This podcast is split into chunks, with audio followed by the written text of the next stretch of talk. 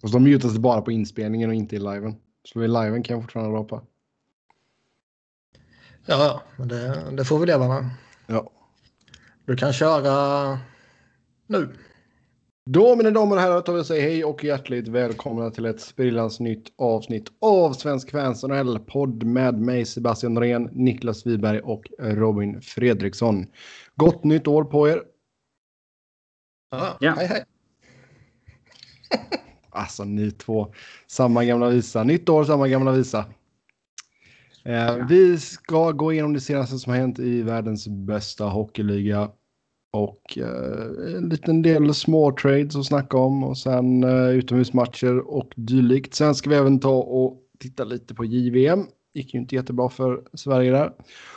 Och sen eh, ska vi titta in i framtiden och vad vi ser hända i 2019. Sedan tar vi självklart upp era lyssnarfrågor som vanligt. Stort tack till er som har skrivit in. Först ut, Michael Hutchinson gick till Toronto och eh, Florida fick ett femte rundsval 2020 i utbyte där. Hutchinson stod ju nu idag mot Minnesota. Ja. Det kan vi bekräfta att han gjorde. Det kan vi bekräfta att han gjorde, ja.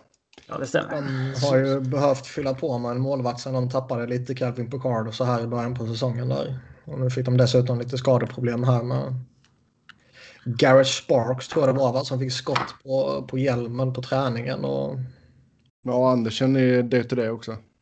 ja. Och Hutchinson är ju alltså Han är ju i perioder känns som en mål som skulle kunna vara den som tar sig nästa steget till att bli heltids första målvakt. Men det var ett tag sedan nu. Men det var lite ja, rätt många år känslan. sedan men i början i Winnipeg absolut. För han var en sån här som hade bra siffror, låg sample size under några år liksom. Mm. Ja. Eh, Det har väl försvunnit lite nu dock. Däremot Ja. tycker jag fortfarande han är ett bra sånt här alternativ som alltså typ tredje val. Mm. Länge sedan han spelade NHL ordentligt nu alltså. När man tittar på hans siffror. Lite så sitt att komma in så direkt också. Han såg inte jättebra ut mot Minnesota. Nej. Det var väl framför allt ett mål där som man kan tycka att han verkligen borde haft. Eh, En annan målvakt som är på flytt.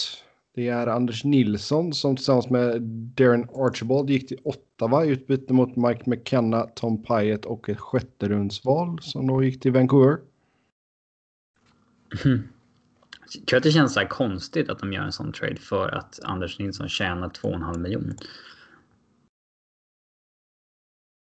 Eh, att man har den att man har den bilden av uh, Melnick, att han är så snål. Ja, Men ja, behöver en keeper. jag funderar lite på liksom vad Vancouver såg i detta. De ser väl eh, att Jakob Markström är deras målvakt och att de har ett mindre behov av eh, Anders Nilsson på det kontraktet. Gissar jag. Jo, det förstår jag. Men alltså, vad har man bakom där? Thatcher. Demko. Ja, just det. Det är väl det stora namnet. redan, ja. Ja, och Michael DiPietro som spelar för Kanada i JVM också som var väldigt framträdande där. Men han är ju lite Ja. längre bort såklart. Ja, han är ju bara 19 bast. Men eh, Demko är ju en, eh, en jättefin prospect och det har väl redan börjat pratas lite om att eh, en del av den här traden var att eh, liksom förbereda plats för honom. Ja, McKenna sitter ju på utgående och är 35 år gammal. Så det, det lär inte vara någon långsiktig lösning där precis. Sen har man även Rickard Nej. Backman i, eh, i eh, föreningen. Så- Ja, och liksom, även om Markström har gjort en bra säsong och framförallt i, eh, vad heter det, i december har varit väldigt framträdande. Så jag är fortfarande skeptisk om det är den där målvakten. Alltså det han är ju fortfarande ny som första målvakt. Det var ju först förra säsongen som han fick stå ordentligt med matcher. Mm. Så eh, det juryn är väl fortfarande ute där. Jo. Och har han och Nilsson eh, när man har Demko på uppgång i så fall, det känns ju som att det är en svensk för mycket. Ja. Så blir det en till svensk i åtta istället. Edmonton tradade till sig Alex Petrovic. Som, och? Ja, ni gjorde en dubbel trade. Jo, men jag tänkte vi Ja, börjar det är med en det. del av en större move. Att Okej. Tog in båda Ja. två. Liksom. Man tog in Petrovic och sedan tog man även in eh, Brandon Manning och Robin Norell. Det är inte Robin Norell som Niklas skrattar åt här. eh, nej, Robin Norell känns ju som den typiska när man spelar tv-spel. att Man måste slänga till kontrakt för att jämna ut antalet kontrakt som skickas. Det är Ja. en prospect som spelar i SHL och inte liksom lär spela i NHL någon gång igen. Nej. Eh, Nej, det känns som att det är... Uh, han är Kontraktsgrej bara. Mm. Eh, Så mot Petrovic då skickade man eh, Chris Wideman och ett conditional tredjerumsval till Florida. Och sen för Manning och Norell då så skickade man Jason Garrison och Drake Kag- Kagula. Ja. Kagula. eh, Den första reflektionen man gör är ju att det var inte jättelänge sedan som Florida skyddade Petrovic i expansionsdraften och uh, gav Det var, upp väldigt, två, det var ju väldigt viktigt att skydda honom. ja, och gav upp två väldigt framträdande forwards för att kunna skydda alla sina jävla backar. Ehm, Nu skickar man honom Vilket- mot Chris Wideman. ja, och nu Florida har inte fått tillräckligt honom med skit för sin usla, alltså hur de Ja, expansionsdraften. de var väl nästan sämst där va? Ja. Alltså de har ju fått skit men fan inte tillräckligt alltså. Satan. vad mycket. Vad fan, det är ingen som bryr sig om Florida. Sure. Alltså man har ju väntat på dem i många år på något ska hända och ingenting händer. Skulle de tagit det där klivet för något år sedan eller de skulle tagit det där definitiva klivet detta året då kanske det helt plötsligt skulle Ja. bli lite hype för de har rätt många roliga spelare. Alltså jag Men- tror inte att det var bra att de hade ett front office som byttes ut mot ett annat i ett år. Sen kom samma folk tillbaka. Nej, nej. Det var ju Framförallt inte när antingen eller liksom. Nej, men så antingen eller. Ja. Att två med helt olika filosofier styrde liksom vartannat år i tre år. Det är, det, det är inte bra. Eh, Nej, nej, det är ju ett steg framåt och två steg tillbaka. Det är ju bara i och för sig mitt perspektiv utifrån. Jag vet inte exakt hur det, hur det var, men det var så det känns utifrån och det känns inte alls bra. Nej, det tror jag vi alla är överens om. Ja. Men i alla fall, eh, Petrovic och Manning går väl båda rätt in i line-upen. Norell som vi sa, det lär väl inte hända mycket där. Alltså Petrovic tycker jag, ja, Petrovic tycker jag är en okej värvning liksom. Wideman ska väl inte ha fungerat jättebra för dem och uh, byta ut han mot Petrovic. Det, alltså, kan det bli sämre? Nej. Jag personligen skulle hellre ha Wideman, men... eh, eh, det är en smaksak. De har väl...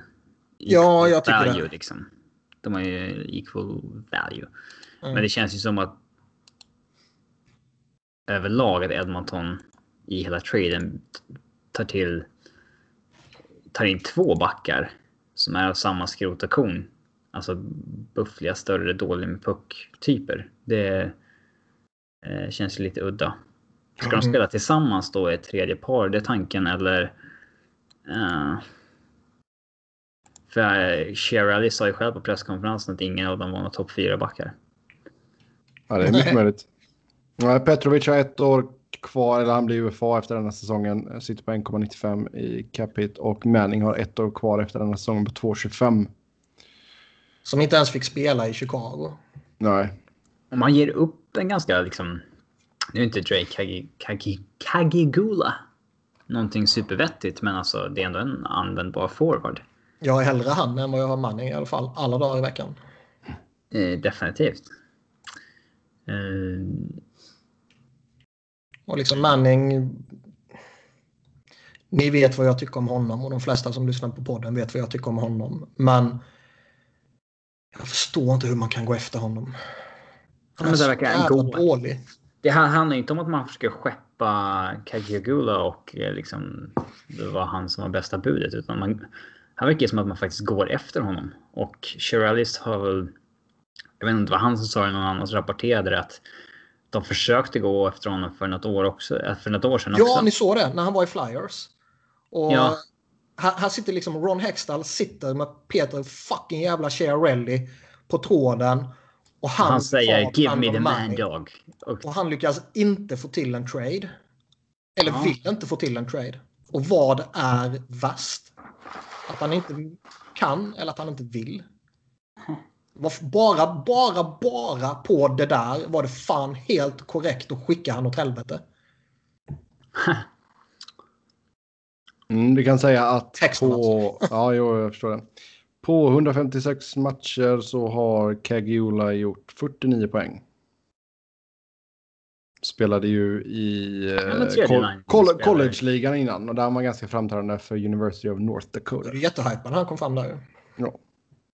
Eh, och jag tycker fortfarande alltså. Han har ju lite inte levt upp till den hypen som kom när, när alla ingen lag- college-spelare. Nej, jag tänkte säga det. När, när var senaste college-hype-spelaren som verkligen blev jättebra liksom? Alexander Men- Kerfoot har väl levt upp till hypen. För den hypen var inte brutal som det har varit med vissa. Men, eh, Matt Reed var faktiskt väldigt bra några år också. ja, men det är fan tio år sedan nu typ. Ja, jo. Men eh, jag tycker ju fortfarande han är en NHL-spelare. Alltså att du kan Ja, spela ja, ja. han dag- dag in och dag ut. Gör man en Eh. poäng var tredje match är man ju en... Ja. Alltså... Men, men liksom ha Brandon Manning i, i, i ditt lag varenda match. Det är, det är för mig helt jävla oförklarligt. Mm. Och jag kan verkligen inte förstå hur man kan... Jag är så jävla arg på Hextall. ja, det får du ju släppa nu med att han är borta. Nej. Jo. Det, alltså det, vet, varenda människa skriker liksom att det enda man ska göra för att vara en duktig GM det är typ att ha ligans dåliga GMs på speed dial. Jo, men jag tror att varenda GM har någon sån eh, i bakfickan där de hade kunnat bli av med något som, de, som alla andra tycker är skräp liksom. Förutom den här andra GM som ringer honom och frågar om honom. Men ja, sen blir det ju liksom att man har ju spelat i, de sista åren i Flyers rätt många sådana här skitspelare i regelbundet och som har varit viktiga och, och så här. Men sen när de inte längre blir kvar så är det inte en människa som vill ha dem. Och det har varit liksom jätteframträdande roller i, i Flyers. Eller så platsar de inte när de kommer till nytt lag och sådana här grejer. Och det är... Fan säger jag bara. Ja. Och att man inte är redo att trada honom förra säsongen. Det är liksom...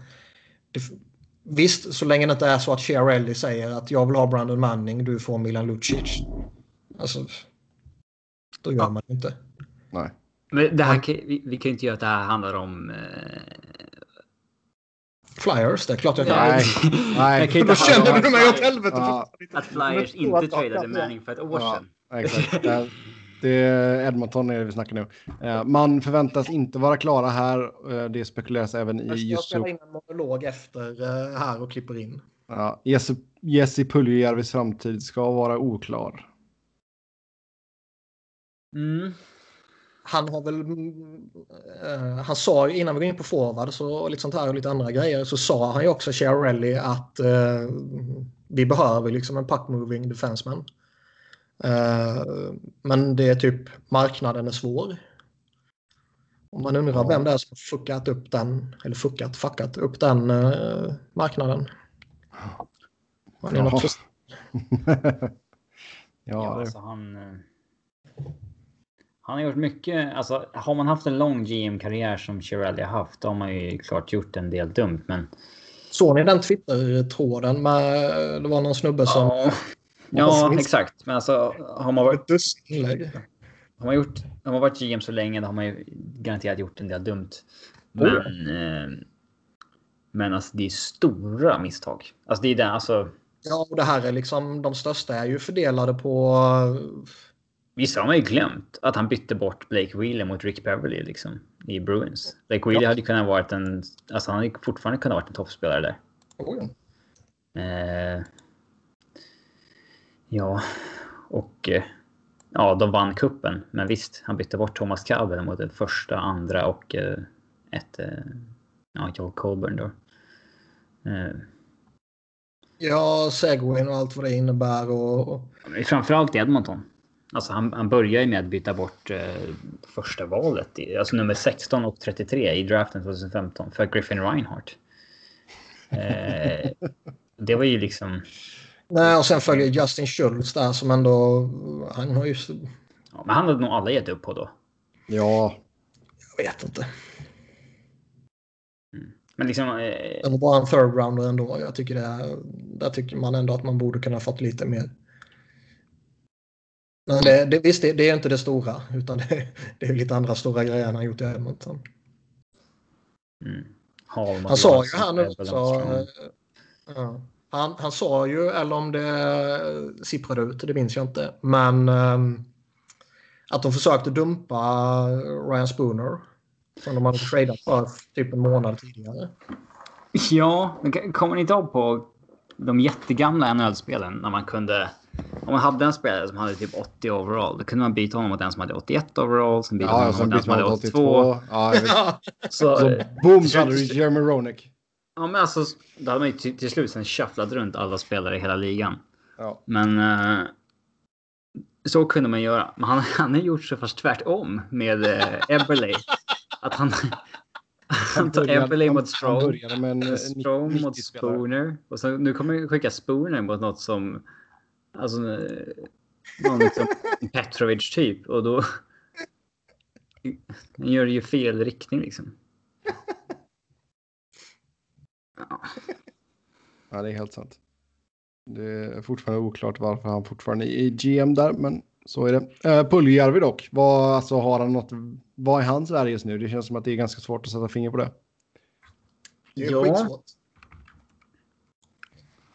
Det har ju kommit alltså, allt ifrån, och nu menar jag inte att det är riktiga rykten, men alltså spekulationer, vad, vad som skulle kunna vara lämpligt och, och eh, liksom vad man hoppas och vill och sådana där saker. Att typ Wayne Simmons mot Jesse Puljujärvi, skulle man göra det? Och som ni märker så får jag en Edmonton-diskussion att återigen bli en Philadelphia-diskussion. Mm. För det är min superpower. Men... ehm, jag är så Alltså, jävla visst. osäker på Puljujärvi. Han har inte... Han har inte fått den största möjligheten i den bästa miljön alltid. Men det är ändå 122 matcher och 33 poäng nu. Mm. Det... Man, man kan inte hur länge som helst skylla på att man har en mindre roll och så vidare. Man kommer ju producera sin väg, sin väg upp om man om man levererar med det man får. Liksom. Ja. Sen samtidigt, det är Edmonton. Ja. Alltså, det, det, jag tycker han är skitsvår. Å ena sidan så attraheras man ju givetvis av, eh, fortfarande av hans talang. Och eh, snubben är fortfarande bara 20 bast. Men eh, som, som Robin säger, det, man behöver fan visa någonting. ja, men det känns ju inte som att du får tillbaka ett första rundsval i det här läget. Får du det verkligen? Ja. Skulle Penguins få möjligheten att släppa det som kommer vara 26 i år, då hade de gjort det. Jo, okej. Jag Utan tror problem. man kan få det, men Omformulera, du får inte topp 10. Ah, nej, nej, det är en annan sak. jag tror man kan få det. Men jag är ju inte övertygad att Peter Chiarelli kan få det. Ja. Kollar man på hans vanligaste, eh, vad heter det, kedjekamrater från 16-17 fram till denna, eller över denna säsongen också. Alltså, är hans vanligaste kedjekamrat Milan Lucic, vilket ju... Elakt. eh, ja, det, då, det liksom, då får han ju the benefit of the doubt. Men sen kommer Connor McDavid, Ryan Nugent Hopkins, Ryan Strome, Leon Draisaitl. Det är ändå en del hyggliga spelare som han har spelat relativt mycket med. Mm. mm. Ehm, jag vet fan alltså. Alltså. Mm.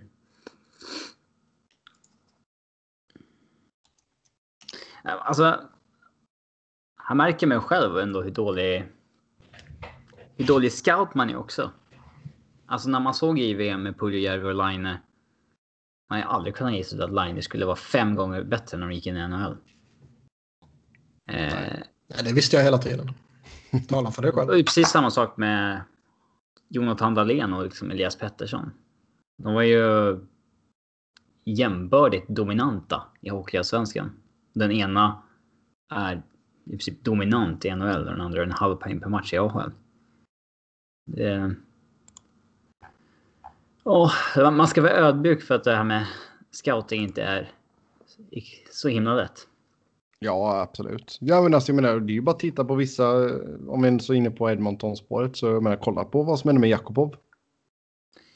Ja, men där var ju the general consensus att han skulle gå nummer ett också. Ja.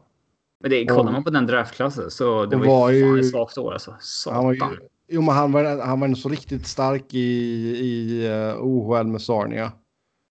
Han började det. bra i NHL också. Ja, gjorde det bra under första halvan i lockouten här i KHL och sen, 31, 31 poäng på poäng. 48 matcher.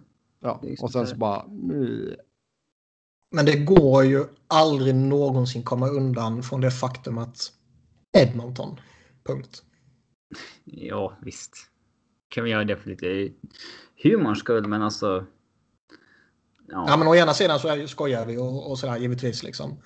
Å andra sidan så jag tycker fan det är legitimt och, och liksom slänga upp den. det har varit en fruktansvärd organisation att utvecklas i. De har bytt Ja, coach. De bytte coach en gång om året i tio år. Och eh, alltså, bara en sån sak. Ja, det tror jag kan förstöra en spelare.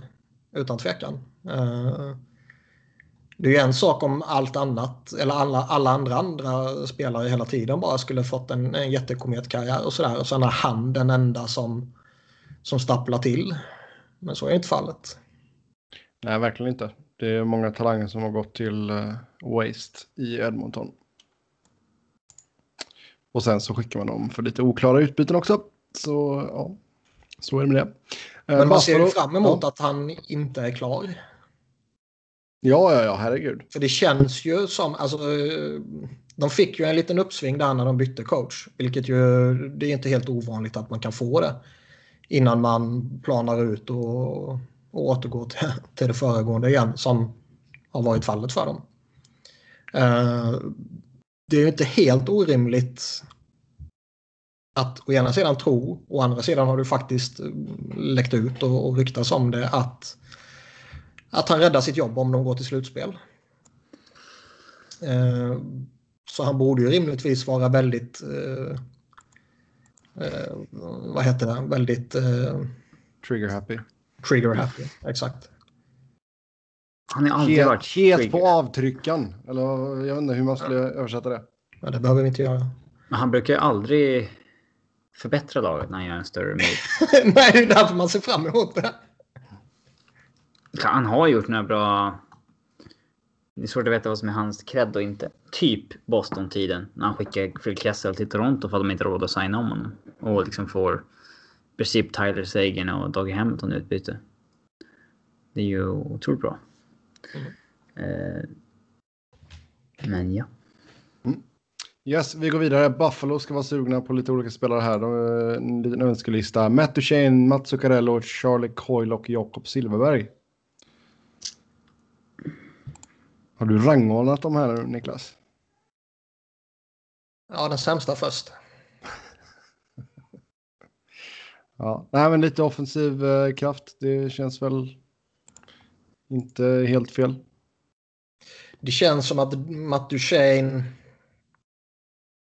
Alla vill väl ha honom givetvis, men Jo. det känns som att de andra är mer rimliga.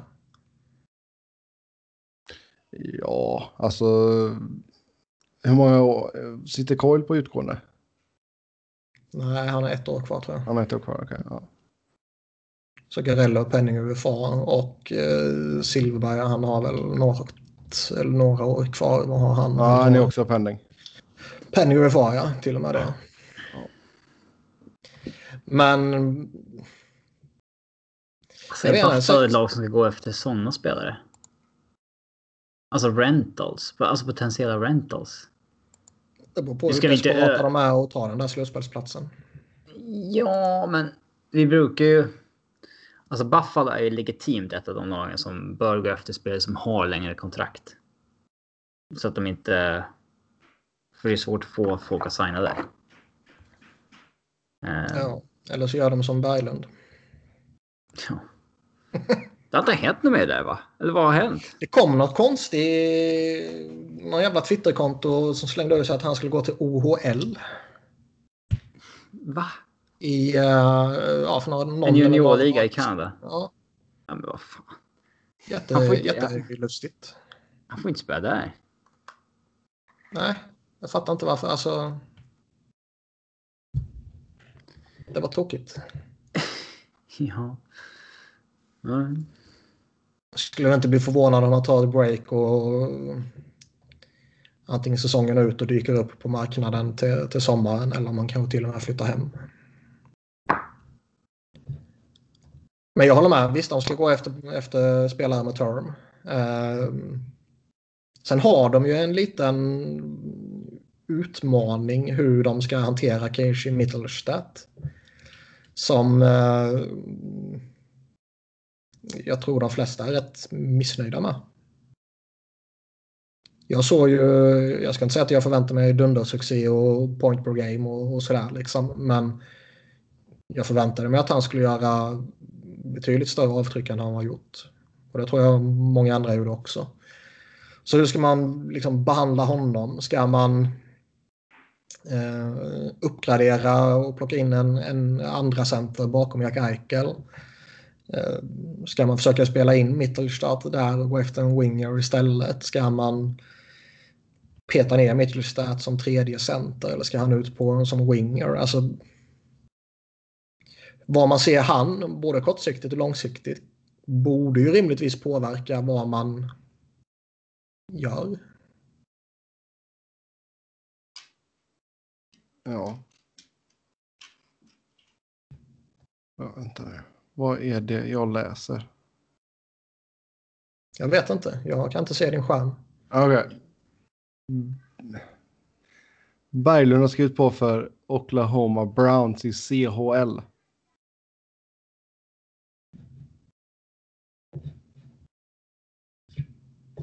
Det här släpptes på nyårsafton. Mm. Men det har liksom inte... Det har inte pratats något om det. Det har bara kommit ut liksom, jaha, och sen har det inte hänt något.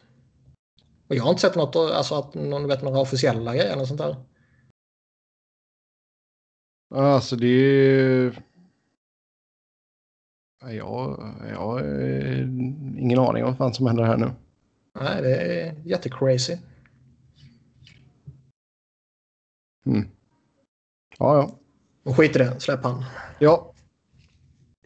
Det gör vi. Och så uh, kliver vi vidare. Michael Florlick, Florlick, Frolick. Hans agent var ute och svingade om att Calgary försöker uh, driva åt honom. Då var det den fina Alan Walsh som uh, kan vara duktig på att svinga. Och... Uh, ja, en av agenterna som har upptäckt att Twitter kan vara ett verktyg för att verka för sina spelare. Mm. Och man, man har ju, alltså har man följt honom lite och sett lite hur, hur det har gått till med lite andra spelare, Max Pacioretty. Eh, eh, ah, nu står det still någon annan som, han, som har varit ute och, och sådär lite och, och som han har eh, han har svingat lite om, om någon av sina andra spelare och sen har han också blivit bortbytt och lite sådana här grejer. Så man kan ju connecta the dots och se lite vad som kanske är på väg att hända med Frolic. Som jag ändå tycker är en fullt gedigen NHL-spelare fortfarande. Oh ja. Eh, Sen kan det vara någon sån där liksom att Flames spelade bra utan honom och man ändrar aldrig ett vinnande lag. Eh, personligen tycker jag det är ju trams utan har man en bra spelare tillgänglig så sätter man in honom givetvis. Men det där resonemanget finns ju i, inte bara i ligan utan i, i sporten.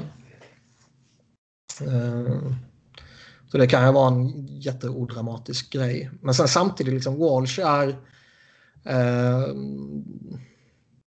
han, vad det verkar som så är han ju en, eh, en agent som aldrig någonsin gör en enda sak utan att stämma av med sin spelare först. Så det är inte så att han bara sitter och eh, svingar hej vilt på, på Twitter som vissa andra agenter kanske kan göra. Det är ju Berglunds agent. um, Alltså han har ju, de har ju ett bra stall i alla fall i uh, Octagon Hockey. ja, det, Berglund har ju någon svensk vet jag ju. Jo, men alltså oftast har ju de svenska spelarna en här i Nordamerika och en hemma.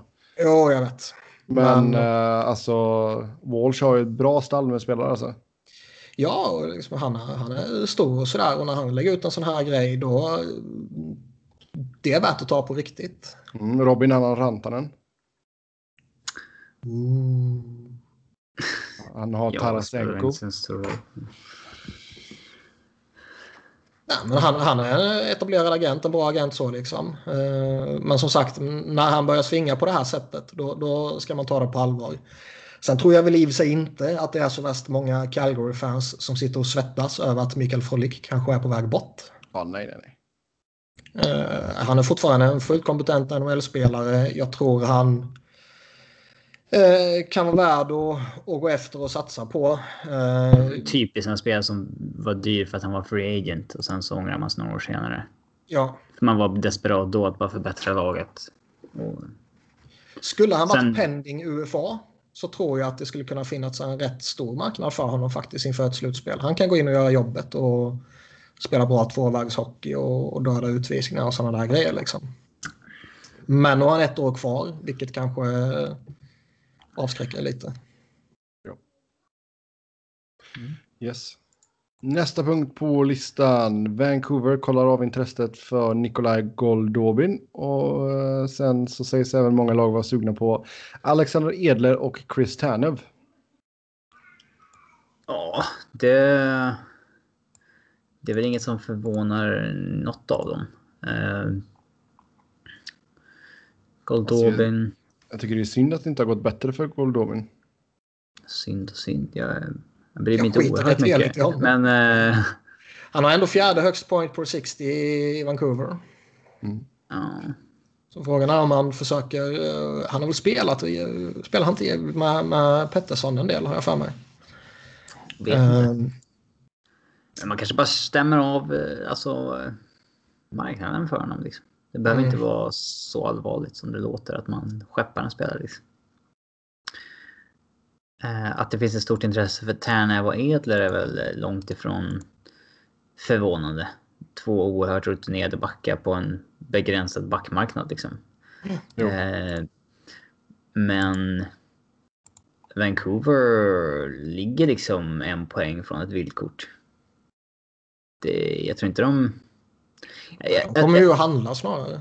alltså, jag, tror att det skulle betyda mycket för... Det känns ju som att hela stan och ägare och allting har köpt in i en rebuild här nu. Men alltså...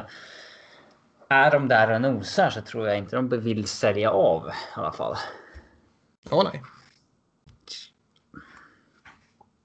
Däremot kan man ju släppa en, eh, en Edler och få in någon, liksom, en yngre version av honom i utbyte i, någon, i någon trade mot en contender som liksom värderar veteran leadership högre än potential. Liksom. Jo. Det Utan är att sällsynt sådana trades. det är sällsynt, men det finns galna GMs i ligan. Eh, och det skulle väl kunna vara någonting man kan se dem göra även om de själva är i en, en slutspelsjakt. Men eh, att sälja av någon sådär för liksom prospects och picks, det, det känns eh, det känns osannolikt så länge de är i, i den situationen. Ja, det är helt sant. Ja, sen eh, Pittsburgh och Minnesota ryktas vilja hitta på något. Vill de hitta på något med varandra i frågan? Det kanske de vill, men eh, det var inte så ryktet presenterades. Men om båda vill så kör bara kör. Vad... Eh, eh, det är väl ingen... Vad är det som... Vad är det Pittsburgh behöver göra? Det är bara att trumma på eller? Ja, de har väl eh, förbättrat sig såklart. Ehm, det finns väl kanske fortfarande det här önskan att plocka in en back med tanke på Schultz eh, skada. Kan jag tänka mig. Och det har ju ryktats lite till och från så här om några av deras forwards. Alltså de, det verkar ju som att de har kollat av lite kring Phil Kessel. De kan ju tänka sig att släppa Derek Brassard och lite sånt här. Så. Det var ju när de var som allra värst där för några veckor sedan när de till och med var utanför slutspel och där nere och harvade och så här så då kändes det som att Jim Rutherford bara väntade på att göra en blockbuster för att Ja. skapa om skiten. Men Sen har det gått lite de bättre. grejerna. Ja, och då kanske det bara är att stabilisera upp det på något sätt. Mm. Talande stund som har sju raka vinster och man har gått 9-1-0 de senaste tio. Det är ju OK. Helt okej. Minnesota har väl... Eh, de har väl ett behov att ta sig till slutspel och vill köpa fler. De har ju inte varit rädda för att köpa tidigare. Liksom. Ehm, de verkar ju ha en ägare som eh, gärna kan trycka på för att saker ska hända. Och ligger man och jagar slutspel där och så ser man att det är Anaheim och Vancouver som ligger framför en. Då kanske man känner att vi behöver bara en liten, liten boost för att ta oss förbi de två. Ja. Det blir spännande att följa. Och det har ju ryktats lite om, om, om Minnesota tidigare också att Charlie Coyle kanske var på marknaden så här. Eh, De fick ju Matt Dumba skadad eh, var det väl. Var ju skadad ja. Mm. Så det finns kanske behov och önskemål att göra någonting. ja. Yes.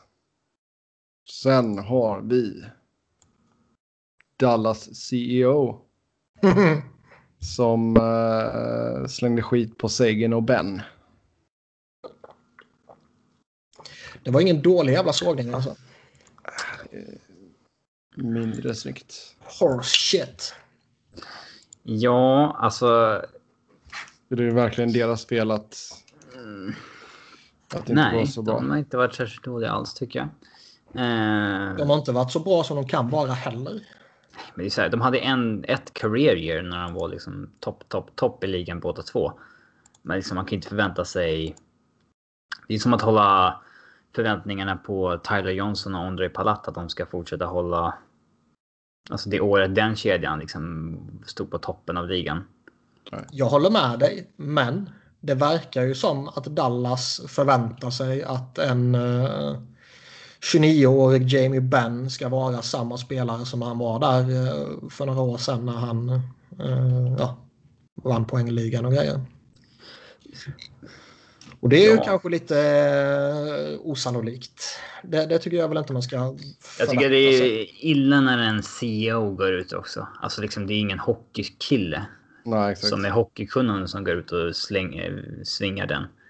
Nej, och han verkar Vad sätter han Jim Nill i för liksom... Sätter Jim Nill i en märklig position och Jim Montgomery i en märklig position. Mm. Om det är någon som ska vara ute och svinga så är det väl snarare dem. Eh, Han verkar ju göra det på ägarens typ order. ja. Vilket också Ska ägaren gör själv gå ut och svinga i så fall liksom. Ja, exakt. Det gör det ännu lite konstigare att... Alltså, det är ditt jävla lag. Varför kan du inte svinga själv i så fall? Men Light sa att han har varit i in the business forever liksom. Mm, vad sa du? Lights eh, CEO, han sa att han har varit in the business forever. ja, grattis till han. Ja. Nej, men han kanske är jättekompetent. Jag vet inte. Eh, det spekuleras ju lite i att eh, Dallas verkar ha ett rätt eh, dåligt publikunderlag denna säsongen. Eh, att de låg i, inte den absoluta botten, men strax ovanför botten i, i, liksom, i pu- publikintäkter och lite sådana här grejer. Och att eh, han gjorde det här utspelet liksom precis innan de skulle gå på en eh, en, eh, vad fan heter det, de spelar massa matcher hemma. Hemma, eh, homestand. Ja, när de hade några sådana matcher och, och försöka du vet, sätta dem på på kartan i Dallas igen. Och kanske få, och givetvis då tända Ben och Seguin igen. De känner förmodligen de spelarna bättre och vad för typ av, eh, typ av kritik de svarar bäst på. Men eh, jag, vet inte, jag tror inte att det är särskilt smart att bete sig sådär. Nej. Generellt, Sen- det kanske alltså- är vissa fall. Alltså, Ja. Alltså det känns ju som... en- Det vissa känns människor. Som, Liksom. Men ja, men då ställer man sig i rummet och, och skriker på dem bakom en stängd dörr liksom. Eh, det här känns desperat på något sätt. Mm. Nej, alltså, man trodde väl att det skulle gå lite bättre. Sen visst, problem med skador och sådär, men Ja, de är i ett läge nu då de har missat slutspel några rad och... Uh, visst, nu är de uppe topp tre i, i Central, men det är liksom två poäng ner så är man utanför slutspelsstrecket bara. ja. Eh, jag vet inte, alltså. Det känns desperat på ett sätt som inte känns förtroendeingivande. Liksom. Nej, det, kan, inte. det, det kan ju finnas bra desperation och så kan det finnas dålig desperation. Och det här klingar inte bra. Nej, men det, alltså, det Du kändes har ju liksom, du har som liksom en Tyler Seguin som, som i somras eh, offentligt uttryckte sitt missnöje över att inte ha ett kontrakt på plats. Mm. Vilket ju inte heller är jättebra och kanske hintar lite om att den där relationen kanske inte är superbra. Då, är- då undrar man ju också om han verkligen tar den kritiken på rätt sätt eller om han bara visar fingret säger ja, ja visst. Ja. eh, och visst, han kan mycket bättre. Eh, det är ju ingen kaosinledning så att de står på, liksom Seguin har gjort sju mål och, och ser, ut att skita ner sig fullkomligt eh, första säsongen efter eh, kontraktsförlängning där kontraktsförlängningen inte ens har mm, liksom, kickat in ännu. Eh, men det känns, ja nej, jag vet inte, det, det känns så oroväckande på något sätt.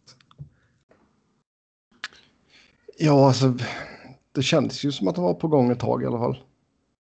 Sen, Sen är det som Robin säger, alltså, givetvis eh, de känner dem bättre såklart. Eh, Men känslan är ju att Tyler Seguin inte är en som går igång på en sån här sak. nej. ja, Jamie Benn kanske. Han, han, eh, han verkar ju vara en liten kuf. Han, han kanske behöver spark i arslet liksom. Men Tyler Seguin, vet fan alltså. Ja, nej. Sen å andra sidan, Tyler Seguin är van vid den här skiten från Boston så han kanske har, har lärt sig hantera det. Jo, men det kanske just är det bara att han stoppar fingrarna i öronen och bara ja, whatever, säg vad ni vill. Men uh, ja, Men det är aldrig bra när en...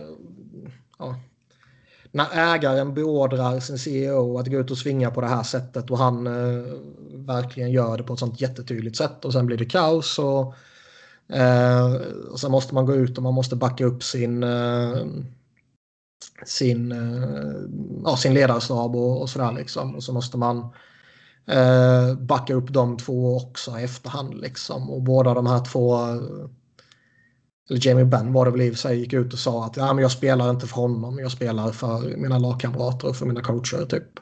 ja. Och det är liksom, visst, men det är inte dina lagkamrater som betalar din lön. nej. Så jag tycker det är, eh, ja om du inte har spelande ägare såklart som man kan ha i, i vissa lag. Men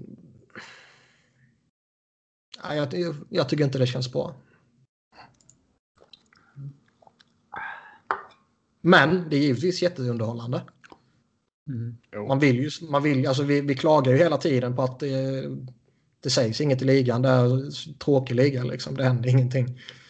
Så man vill ju ha sånt här så länge det inte sker i ens egna lag. Liksom.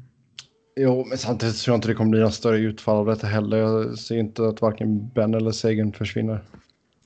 Nej, men alltså jag menar en sån här sak skulle ju mycket väl kunna slå bakut och sen helt plötsligt flippa Tyler Seguin ut och säga ja, vill ni inte ha mig här så nej, då kräver jag trade.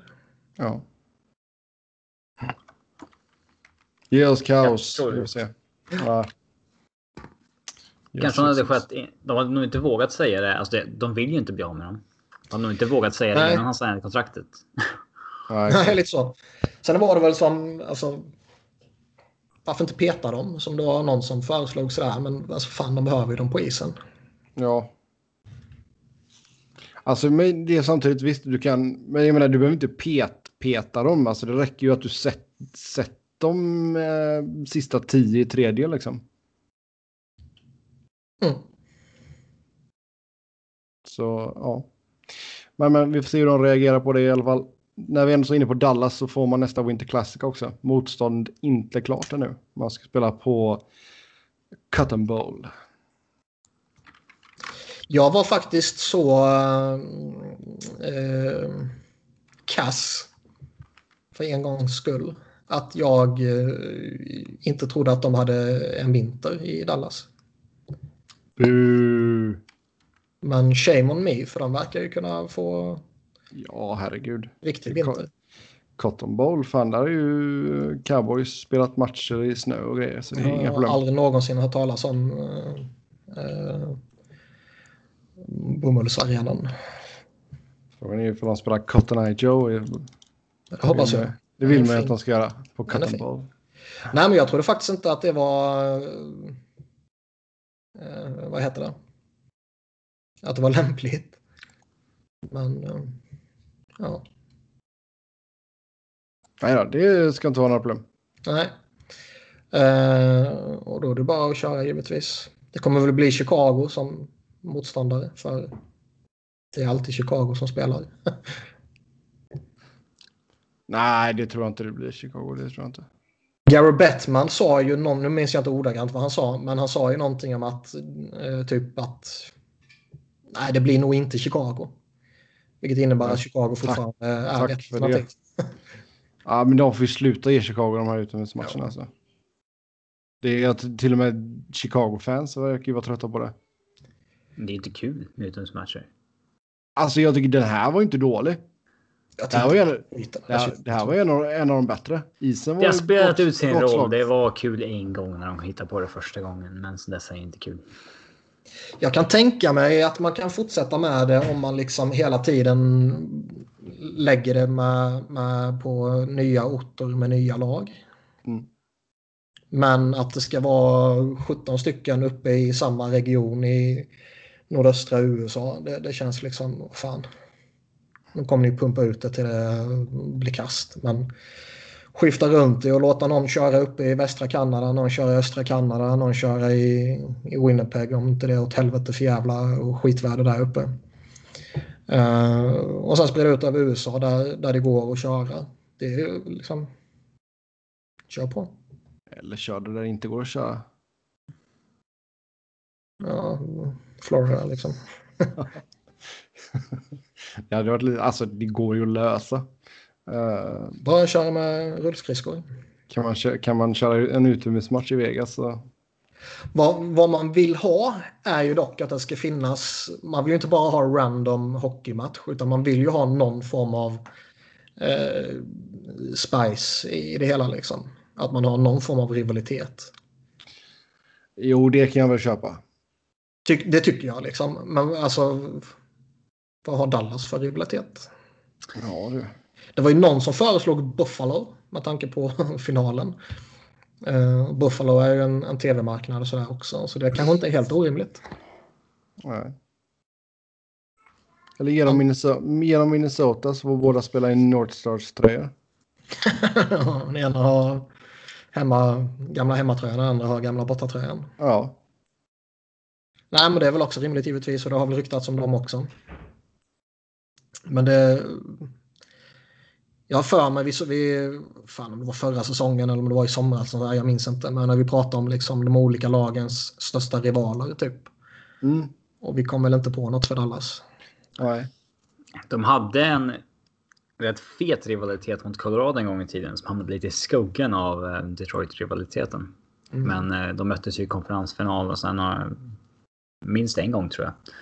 Eh, och det var rätt infekterat.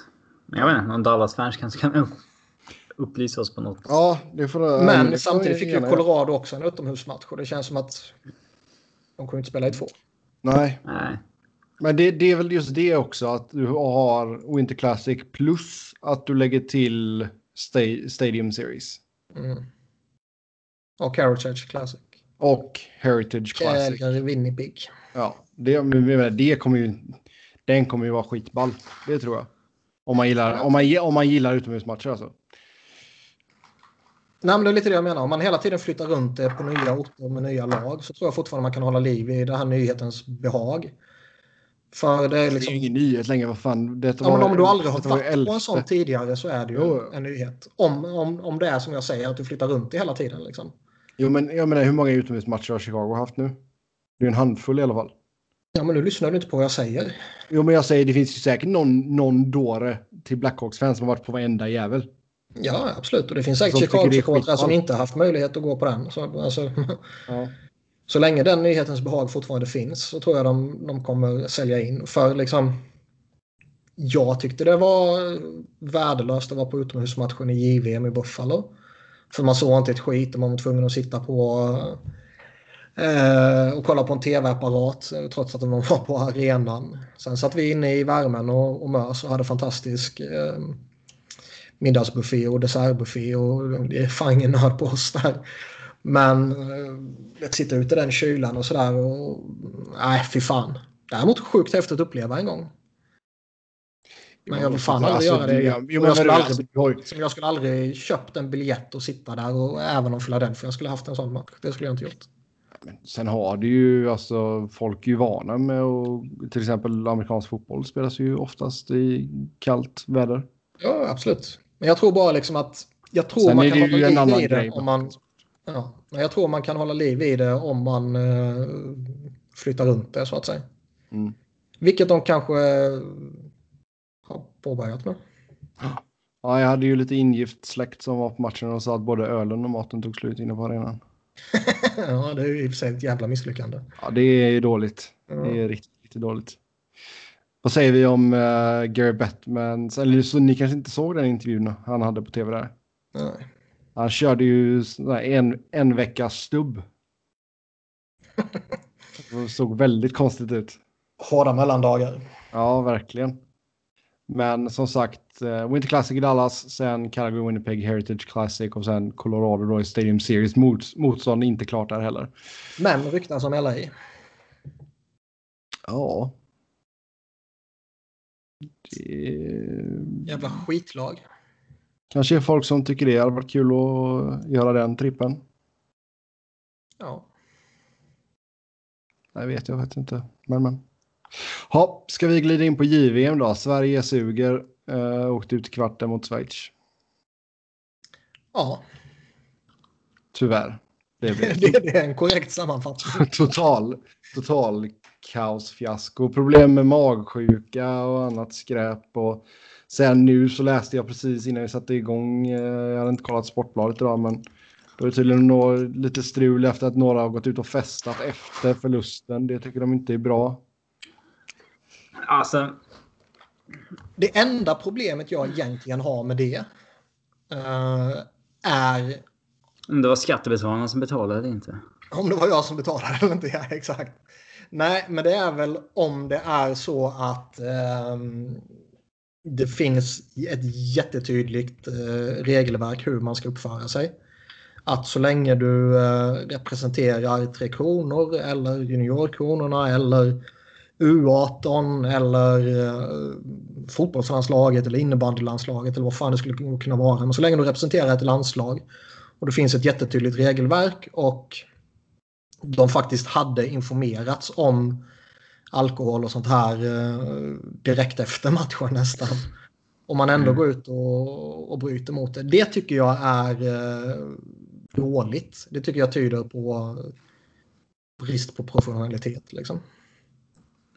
I Men, övrigt eh, att man liksom är knäckt och förbannad och man kanske vill supa ner sig. Jag tror inte det var Ja. så de resonerade. Jag, jag bryr mig liksom inte. Nej, men... Eh, Man, Robin, Vancouver är en jävligt fin stad. Man kanske vill bara gå ut och uppleva stan. Liksom. Jag bryr mig inte. ja, men så här, men- utekväll, vad betyder utekväll då? Alltså vad... Vad hände? Ja du. Alltså så här... Eh, fick de hämta två personer i häktet klockan sex på morgonen eller liksom var alla hemma halv tolv och innan de gick och la sig. Liksom det, det är väl liksom en helt annan, helt annan grej. Eh, men jag menar, Robin Figren skrev på Twitter så att liksom, alltså sista matchen i JVM, det är liksom sista natten med gänget. Du har spelat ihop, du har spelat ihop med den årskullen i landslaget sen du var typ så 15. Absolut. Det är liksom så här, ja, sista natten med gänget-känsla kring det. Att man Absolut. då går ut jag- tillsammans när det är över och liksom en sista kväll. Det är liksom inget konstigt alls. Och i- Nej, nej, och jag har inget Och- emot det. Så länge, men liksom, det verkar ju finnas ett regelverk som säger att så länge de representerar eh, Om landslaget. turneringen är över då? Ja, men de är fortfarande på plats i eh, förbundets regi så att säga. Ja, det är väl... Sen visst, sen är det väl en, liksom en... en eh, ja, lite sådär. Ja, men Eh, ja. Jag vet inte. Visst var det... Jag, jag tycker här- det, det är väl det som jag irriterar mig på. Annars att de vill gå ut och göra något sånt där så länge de inte gör en massa olagliga saker. Det skiter jag fullkomligt i. Men så här, man kan inte ena året gnälla på att... Eh, alltså, man kan inte ena året vinkla det som att spelare slänger medaljen och lackar för att de bryr sig för mycket. För att tvåa är inte tillräckligt bra. Sen året efter var lacka för att eh, de tar för lätt på det och går ut på krogen efter turneringen. Alltså det är ju... Nej, nej, alltså det är, men det, det är alltid folk som reagerar på någonting, vare sig åt vilket håll det är. Men Ja, förhoppningsvis inte samma människor. alltså jag bryr mig inte för, jag kan ju ha full förståelse att de bara, ha det här suger ju balle. Nu går vi på nattklubb. Alla. Ja, Ja, men det är klart man är irriterad. Det är klart man är förbannad. Och det, ja. Jag tycker det har gjorts en liten större grej av det här än vad det kanske egentligen är. Oh, ja. Men, Men sen är det som du säger, om de har sagt så här bara, "Nu- ni får inte gå ut på nattklubb när ni är med oss på samling fortfarande. nej, och då, då är det ju inte okej. liksom, utan Nej. man är och representerar ett landslag och finns de reglerna då ska man fan följa de reglerna. Eh, hur eh, arg eller glad man än må vara.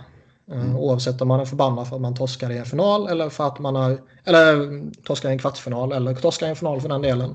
Eller om du vinner en final. Ja. Om de reglerna finns så ska du fan följa de reglerna. Liksom.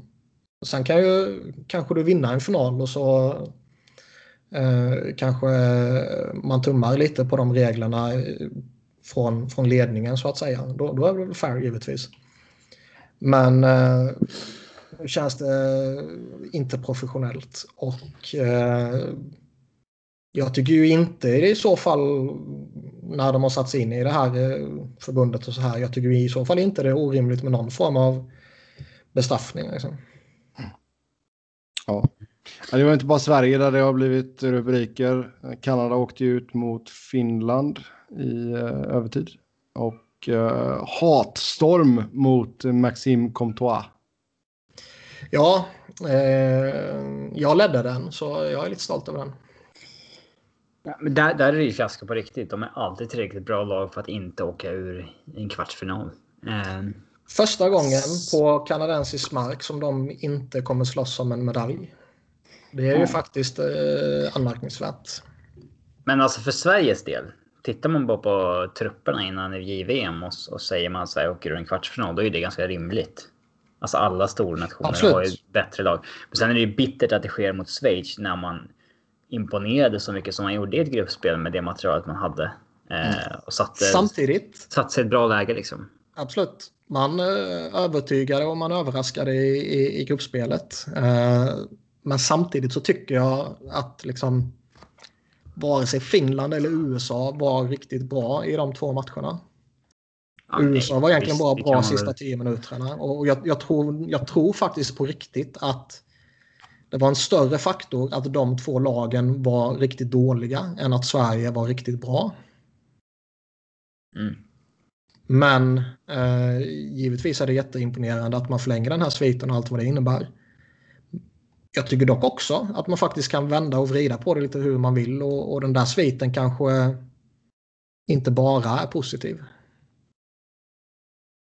Att den kanske tynger ner dem lite för mycket. Man fokuserar lite för mycket på den medvetet eller omedvetet för att man inte vill vara den där spelaren som orsakade att den där sviten bröts. Eller man vill inte liksom bli ihågkommen som en del av laget som fick sviten bruten efter 50-11 år. Liksom. Ja, exakt.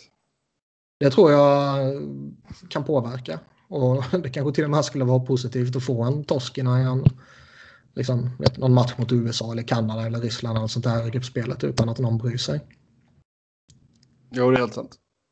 För sen är det ju liksom att åka i en kvartsfinal i ett JVM. Det är ju inga problem. Tittar man de senaste åren så har alla stora nationerna gjort det. Problemet är att när de andra stora nationerna har gjort det så har de gjort det mot en annan stor nation.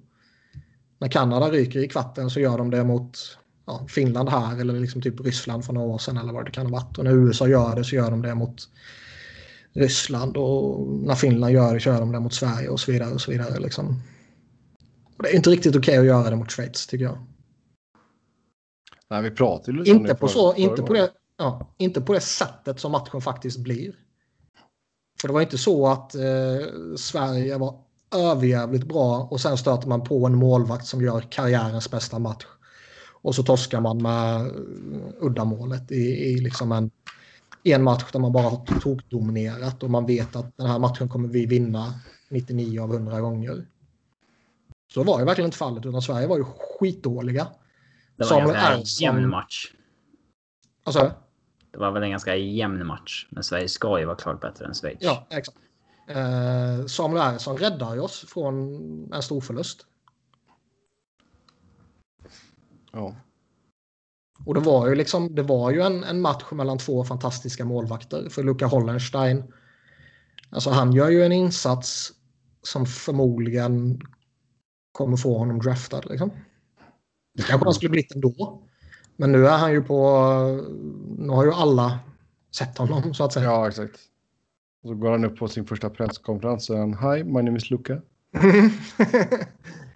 Men alltså det var ju en match mellan två riktigt bra målvakter. Och den ena målvakten fick jättefin hjälp av sina utespelare. Och den andra målvakten blev sviken av sina utespelare. För tittar man på Schweiz bästa spelare så var de fan ta mig bäst. Den där första kedjan med Filip Korachev i, i spetsen var ju fenomenal. Där kan ju Chicago för övrigt mycket väl ha hittat en, en fin lirare. Eh, I fjärde rundan. Så det, det, det finns ju potential i honom. Tittar man på Sverige så det var ju inte en enda spelare av toppspelarna eh, förutom Ersson då som var i närheten av sin nivå. Jag tycker liksom Isak Lundeström, spelade han ens kvarten? Alltså han var ju totalt osynlig. Mm. Jag tycker de här backarna som ska vara så jävla fantastiska och som är fantastiska och, och jättefina talanger i, i Bokvist och Brännström och Sandin. Jag tycker de var jättebesvikelser.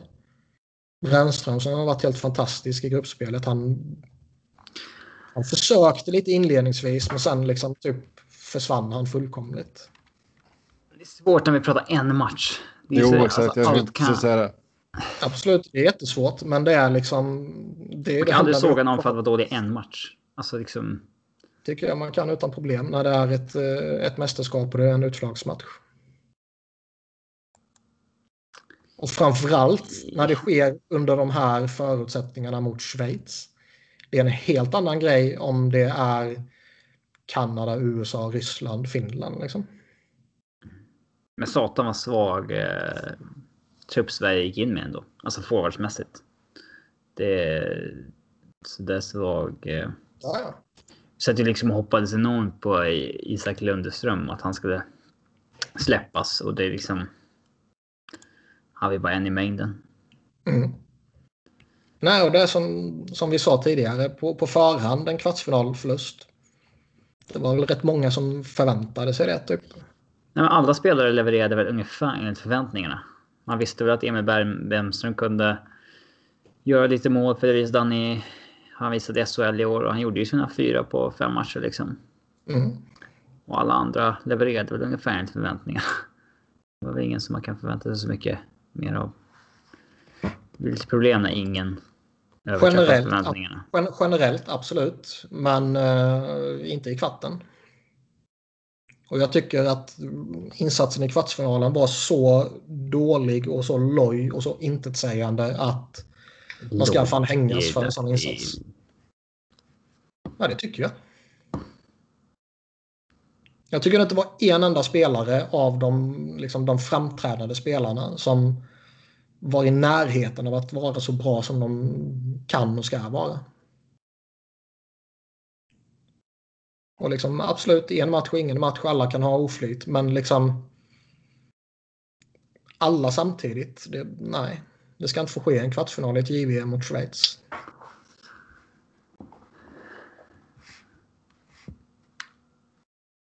Och jag tycker liksom det här att ja, men det är bara ungdomar. Jag tycker inte det är ett äh, legitimt argument längre. Nej, det är ungdomar mot ungdomar så det kan man ju inte säga. Det är, men, nej, men är ungdomar mot ungdomar. Men liksom gå tillbaka alltså förra generationen om, eller inte riktigt så långt heller liksom, så var det ändå att då var man fortfarande junior, men nu är det seniorspelare. Det är spelare som har spelat i NHL, det är spelare som spelar i AHL, det är spelare som spelar i SHL och Hockeyallsvenskan och liksom spelar i seniorligor. Så det är inte så att de kommer från att bara ha spelat juniorhockey hela säsongen och då kan man ha lite, lite andra förväntningar på att sådär men alltså, väldigt många är ju ändå liksom de är nästan där i sin utveckling. Ja. Men sen läste jag också att Lundström kanske är på väg tillbaka till SHL också. Alltså. Ja, han har ju levererat i NHL eller AHL. Och verkar inte vara above juniornivå på något sätt. Mm. Alltså, Anaheim har inte så talat sig varmt om honom. De ville väl sätta honom i AHL för att han skulle få en mer framträdande roll. Sen kanske inte poängen har riktigt varit där. Han fick väl snarare stanna i NHL längre än nio matcher för att de hade så brutalt med skador. Oh ja. Då, då blev de typ tvungna att bränna ett år på hans kontrakt. Mm. Ja, vi vill säga någonting mer om Kanadas uttåg? Jag vill eh, nämna att eh, vi inte får glömma Montén. Mm. Ska vi hänga honom eller vadå? Vad fan ska vi annars göra? Vad ska vi göra med honom då? um, tycker ni att han skötte matchen som den som borde skötts? Pratar du om den enstaka matchen mot Schweiz igen? Ja, vad ska jag annars prata om? Det är ju den som avgör. Alltså. Han är ju den coachen han är. Alltså hans. Jag menar, han... han, jag menar, inte att han ska stå och skrika som liksom Schweiz uh, sjukt charmiga förbundskapten. För liksom, jag håller med dig. Man är vad man är och man kan inte tvinga fram. Alltså, han, han har ju tagit sig till det här. Han har tagit Sverige till den här matchen och sig själv till den här rollen som förbundskapten. Genom att vara den liksom passiva coachen som han är. Det är liksom hans ledarstil som har tagit honom hit Absolut. han är. Han kommer inte ändras. Och jag säger inte att han ska... Och det är ju så jävla populistiskt att alltid... Så fort ett lag floppar så är det liksom fel på coachens uh, liksom hade han varit en helt annan coach och varit den som blandade i kedjorna varje period under VM och vi åkte ut mot Schweiz, så hade vi ju gnällt över det istället.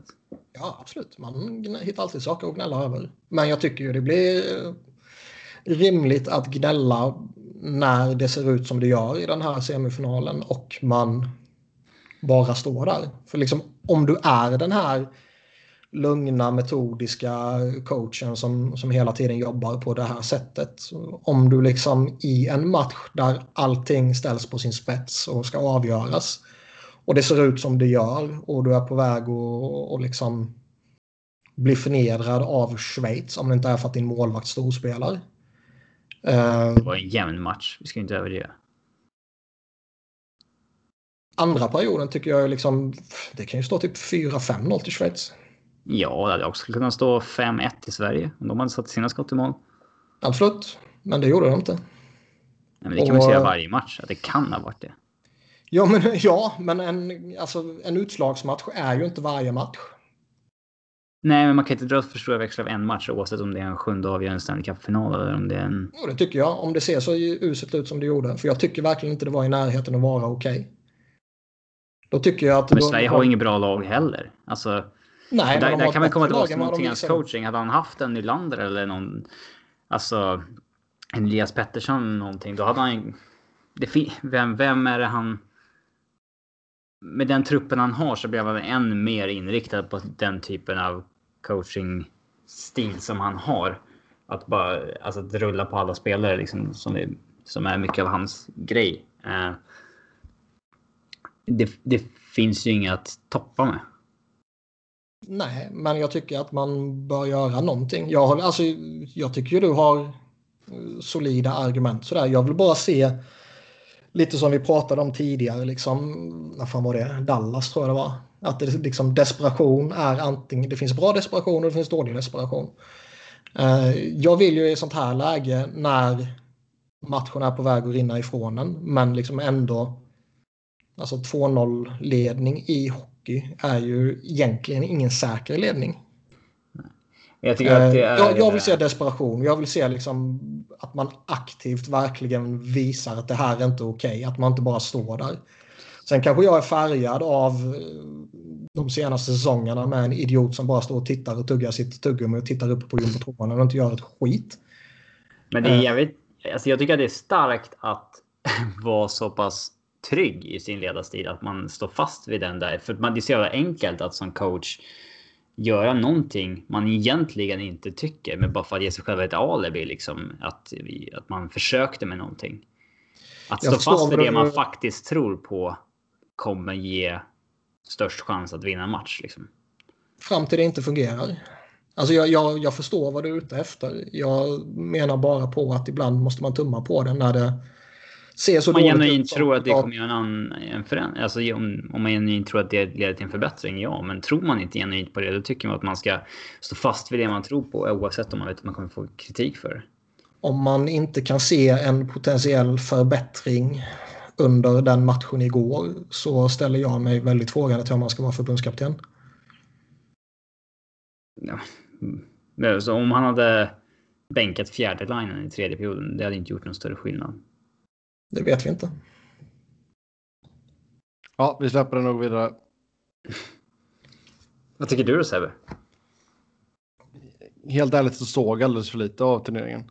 Ja, men det generella argumentet. Sen, sen så kan väl jag föredra en mer aktiv matchcoachning av en tränare. Ja, det känns ju mer som att man ja. alltså försöker någonting. Så att säga. Ja, Exakt, Men... även fast det kanske känns desperat. Um... Alltså jag förstår vad du säger och jag säger inte att du har fel. Uh, jag säger bara att jag har mer rätt. Nej, men alltså om man, om man, om man tittar på liksom, progress over time så att säga. Då tror jag ju på, liksom, tror man på det då ska man hålla på det. Alltså, men när allting är... bara är på väg att skita sig då, då, man, då måste man fan göra någonting. För nu är det ändå, alltså, för att vara så framträdande som Sverige ändå är som dels hockeynation, dels... Eh, Man hade ett jävla pisslag i år dock, det måste ju säga. Jo, jo, jo men alltså lugna dig lite nu. För att vara så framträdande som Sverige ändå är som hockeynation så, och, och liksom eh, med den här 48 matcher långa segersviten och allt sånt där så har man ju fått ut väldigt lite av det. Man har fått ut ett brons och ett guld. Ja. Den där sviten är helt sjuk. alltså, det är fan 50 match snart. Mm. Det är fan helt brutalt. Um... Ja, och den är ju jätteimponerande och liksom sådär va. Men... Ja, för att du, ett, alltså det känns som att ett JVM-guld är lite skralt, ja visst. Ja. Om vi pratar generationen från 07 och framåt liksom. Ja. Mm. Uh. Och liksom de senaste åren man har gått ner sig fullkomligt. Fem, man har spelat i, fem, eh, I fem finalförluster. Mm. Fem finaler. Man har vunnit en av sex finaler. Ta sig till sex finaler är väl bra. Man kanske skulle ha vunnit någon mer. Ja, lite så. Mm. Kanske inte de där första åren så att säga. Alltså första åren när JVM var hett. När man mötte liksom ett överlägset Kanada och fick pisk med 5-1 i final och sådär. Utan mm finalförlusten mot Finland på svensk mark, den... Den, eh, den suger lite. Den ja. svider. Yes. Sen hur vill vi summera 2018 och vad ser vi i 2019? Ja du. Med vad då? Ja, det är en bra fråga. Niklas? Ja, vad, vad tar ni med er från 2018? Nej, vad, vi tar med oss, vad vi tar med oss från 2018? Oj. Billy Ja. Desjardins borde inte vara tränare i ligan. Det kan Ja. ju inte med oss. Nej, men alltså Jag, vad vi ser eh, 2019, alltså jag skrev, jag skrev precis om detta. Um, alltså saker som vi vill se under 2019. och Där vill man ju verkligen se, alltså personligen då att Rob Blake verkligen gör de här affärerna som man behöver göra. Du skickar en quick. Du försöker få Carter att inte lägga av ifall han skulle tradas. Um, Fattar ni att Jori Lehtonen har en högre point per 60 än Jeff Carter denna säsongen? Ja, men det är ju bara för han... eh, jag vet inte. Läktare vet, vet att hans tid är kommen. Försöker njuta av friheten så mycket han kan. Alltså tju- 2019 kommer ju... Det är då vi kommer få bekräftat att det kommer bli en ny lockout. Det känns ju tråkigt. För efter sommaren här i september så har ju... Jag tror att det första är ligan och sen facket. Men det kanske kan vara tvärtom. Men jag för mig ligan hade första king. Så kan de ju opta out från Ja. kollektivavtalet och nästa säsong blir den sista.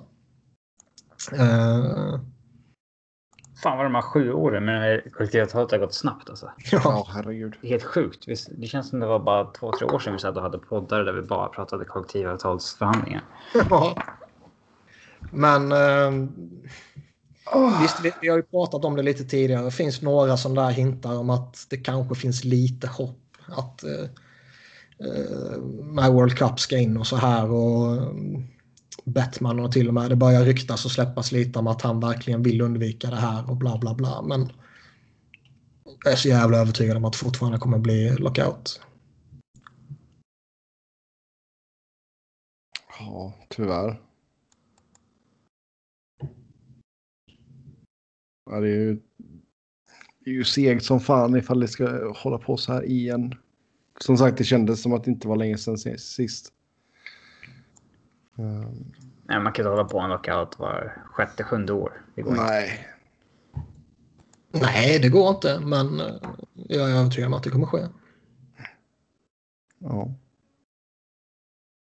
Annars 2019. Sen är jag sån, det är ju bättre att förbereda sig på worst case scenario och bli positivt överraskad än om det inte sker. Än att liksom verkligen intala sig själv att den här gången slipper vi det och sen blir det lockout och så blir man knäckt.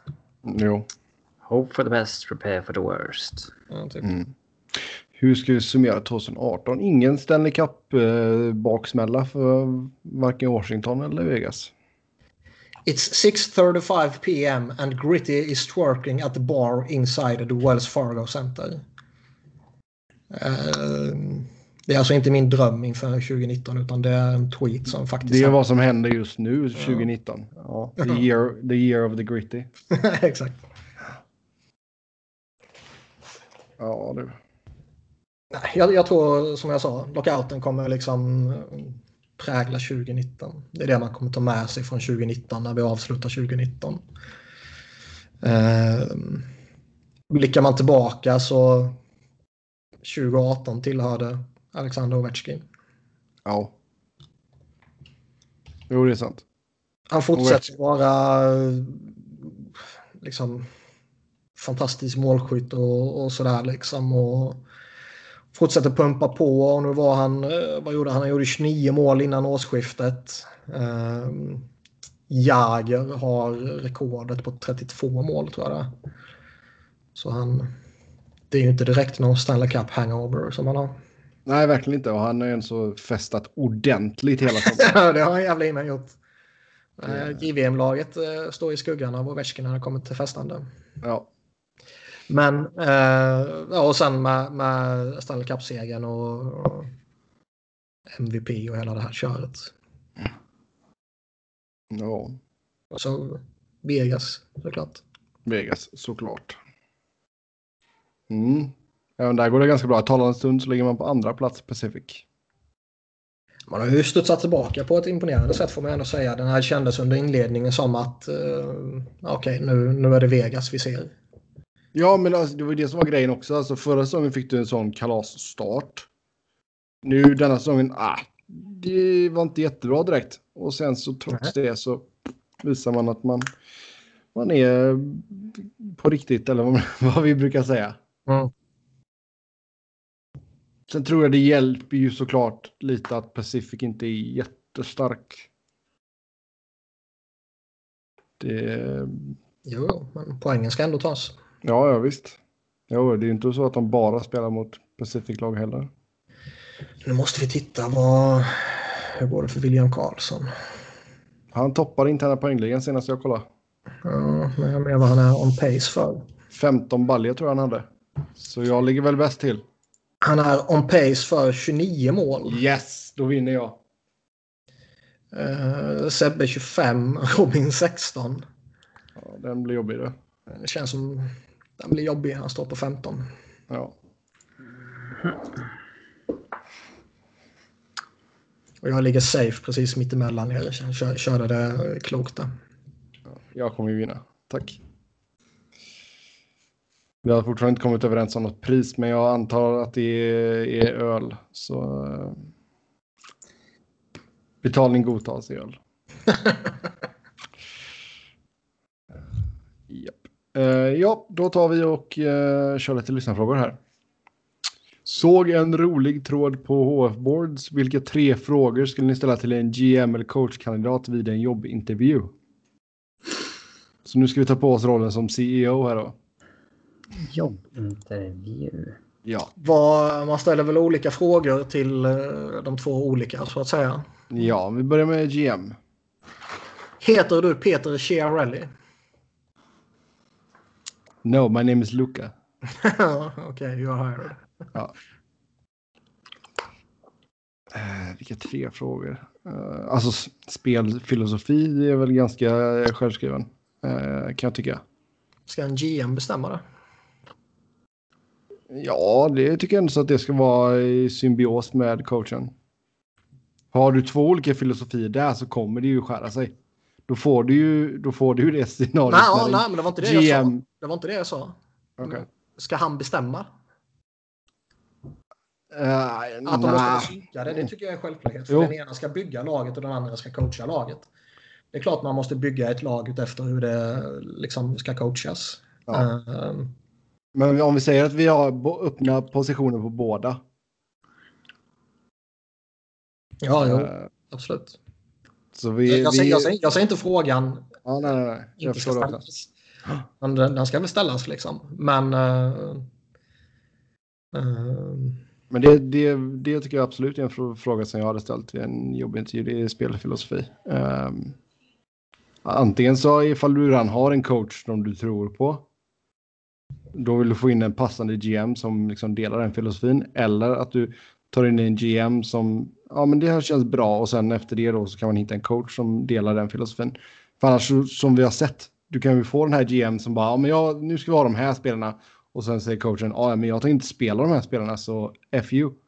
uh, Anaheim typ. Ja, Men Boudreau. säger. exakt. Det, det var ju jävligt konstigt faktiskt. Men nej, Eh, den måste man synka såklart. Sen, vad har vi mer för frågor? Ehm, Jag skulle ju ändå... nå- Någonstans måste man ju liksom... Hur... hur eh, alltså det påverkas ju lite ändå var laget befinner sig. Är det liksom en supercontender eller är det... Är man nere i skiten och ska bygga om? Men, men liksom oavsett vilket, hur liksom... Hur ser du att du ska göra för att ta det här laget till nästa steg? Ja. Kortsiktigt, långsiktigt. Vad är din, vad är din plan för det? Hur, hur vill du göra det? Liksom? För den kan man göra på många olika sätt. Liksom. Att jag vill sälja av alla talanger och picks för att plocka in veteraner för att bygga så fort som möjligt. Eller jag vill bygga långsiktigt eller jag vill bla bla bla bla bla. jo men exakt, där kan du, där kan du säga liksom, ja, om vi säger att du, vad är din femårsplan liksom? Eller Typ. Vad är din treårsplan? Ska man ställa olika scenarion till? Alltså. Om jag vill vinna en Stanley Cup inom fem år, vad gör du då? Ja, exakt. Alltså, Du får, du får två spelare här. Inga namn utan bara stats och sådär. Vilken spelare vill du helst ha? ja, alltså det är ju han som står. Han kommer ju- ska ju i regel ha mer hockeykunnande än dig. Alltså, det är därför du anställer honom. Jo, Men. ja, men hy- hypotetiska scenarion. Jag vill vinna inom två år. Vad är din plan för att göra det? Och jag strunt, eller tvärtom, jag struntar i om vi går till slutspel de närmsta fyra åren, men sen ska vi vara en contender. Om du får den tiden på dig, vad hinner du, hinner du inte göra då? Ja, det är helt sant. Ja. Eh, coacher. Spelfilosofi har vi redan sagt där. Ehm, Heter man- du Dave Hackstall? ja. Nej, men där kan man ju också fråga, liksom, fråga om eh, just mm, alltså aktiv eh, mot kontra passiv matchcoachning. Ehm, hur du hanterar konflikt. Är du en, ja men alltså om, är, är du någon som bara går loss och börjar skrika folk i ansiktet eller? Jag skulle vilja veta alla? om jag var GM och intervjuade en coach. Ja. Då skulle jag vilja säga, då skulle jag vilja fråga. Om jag kallar upp en spelare från AHL, alltså om jag och liksom ber dig att spela honom minst 10 minuter per match i 10 matcher, kommer du göra det då? Eller kommer det vara the lineup card is mine liksom? Mm. bli. ja. Eller om jag ber dig spela en spelare i första kedjan i tio matcher för att jag försöker för den spelare vi ska flippa vid deadline. Kommer du göra det då? Eller kommer du alltid coacha för att vinna nästa match bara? Ja. Ja, nej. Det, det kän- känns som att det är ganska, väldigt, det är ganska den, självklara den, den, frågor. ja, den är också jävligt liksom, vad, vad är laget? Är, är du en contender och ska, ska vinna denna säsongen eller nästa säsong? Eller är du eh, någon som ska bygga nytt? Det, det avgör ju också lite vem du Mm. anställer. Hatar du spelare från ett visst land? Den kan vara bra att ställa också. Visst. Så man inte får en Mike Keenan typ. Ehm, så visst. Ja, nästa här då. Byt favoritlag med varandra. Sebbe tar Colorado, Robin tar Philadelphia och Wiberg tar Kings. Inom en tvåårsperiod ska ni ta Stanley Cup med era nya favoritlag. Vilka spelare skulle ni behålla? Vilka skulle ni göra av med? Skulle ni behålla ledningen? Och så vidare. Så vi börjar med mig då. Eh, Colorado. Jag trodde vi skulle hålla på dem i två år nu som en lyssnarfråga. Ja, exakt. Sen, sen, sen får Niklas tillbaks feeling. Vi har hållit på dem i två år var. Ja, starta, starta Kings-podden. Eh, Det är en lyssnarfråga. Ja. Nej, men alltså för Colorado, alltså, jag hade ju behållit eh, stommen där. Man har ju en Alltså, du, hade, du hade behållit uh, McKinnon. Ja, McKinnon, Landeskog, Rantanen känns ju... Fan vilken bra kedja det har varit, även fast Landeskog blir flyttad här nu. Men eh, överlag så har den varit lysande. Eh, jag, jag är GM och... Eller... Om du är GM då så ställer jag de tre frågorna till dig. mm, Vad hade du gjort med Semyon Varlamov pending UFA efter, efter säsongens slut? jag hade ju nog skickat honom. Så. Vad är planen för att ersätta då? Ja du, vi eh, går efter Ja, det Bob. lät förtroendeingivande. Ja, Vi, du. eh, ja du, det är en bra fråga. Eh, Det är vi en bra skippar fråga fråga. två och tre va? Eh, nästa. Man, eh, så att man... Eh, nej då. Köper sig lite tid så man... Ja, det var en bra fråga. Nej, men stenhårt på Bobrovski. Jag vill in Bob. Bob. Du spelar The Free Agency-spel alltså? Ja, Okej. Backsidan.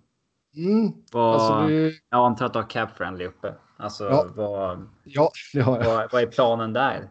Ja, du. Ger Gerard en väldigt stor roll i framtiden. Eh, mycket PP-tid. Tyson Berry kan man ju skicka och få bra utbyte för. Jag hade. Jag är betydligt mer lockad av att skicka Eric Johnson innan han började tackla av ordentligt Mm. med det kontraktet och satsa stenhårt på att signa Barry istället. istället. Eh, Ja, Men visst, det det går att skicka. Det går att skicka Barry, det gör det. Många som Ja, tycker det. Få Framförallt, alltså man har ju Cale McCarr på uppgång. Eh, men jag är lite allergisk mot att skicka spelare för att man har någon prospect man tror jättemycket på. Ja, nej, nej, han ska bevisa någonting spelaren först. när den spelaren petar bort honom. Ja, det kan dröja ett år, det kan dröja fyra år eller inte alls. Det, Exakt. det vet vi inte. Eh, det, det. Sen hade jag ju eh, lagt mycket energi på scouting. Scouting. Ja, vi ska drafta bra ska vi göra. Oj, vad vi ska drafta bra.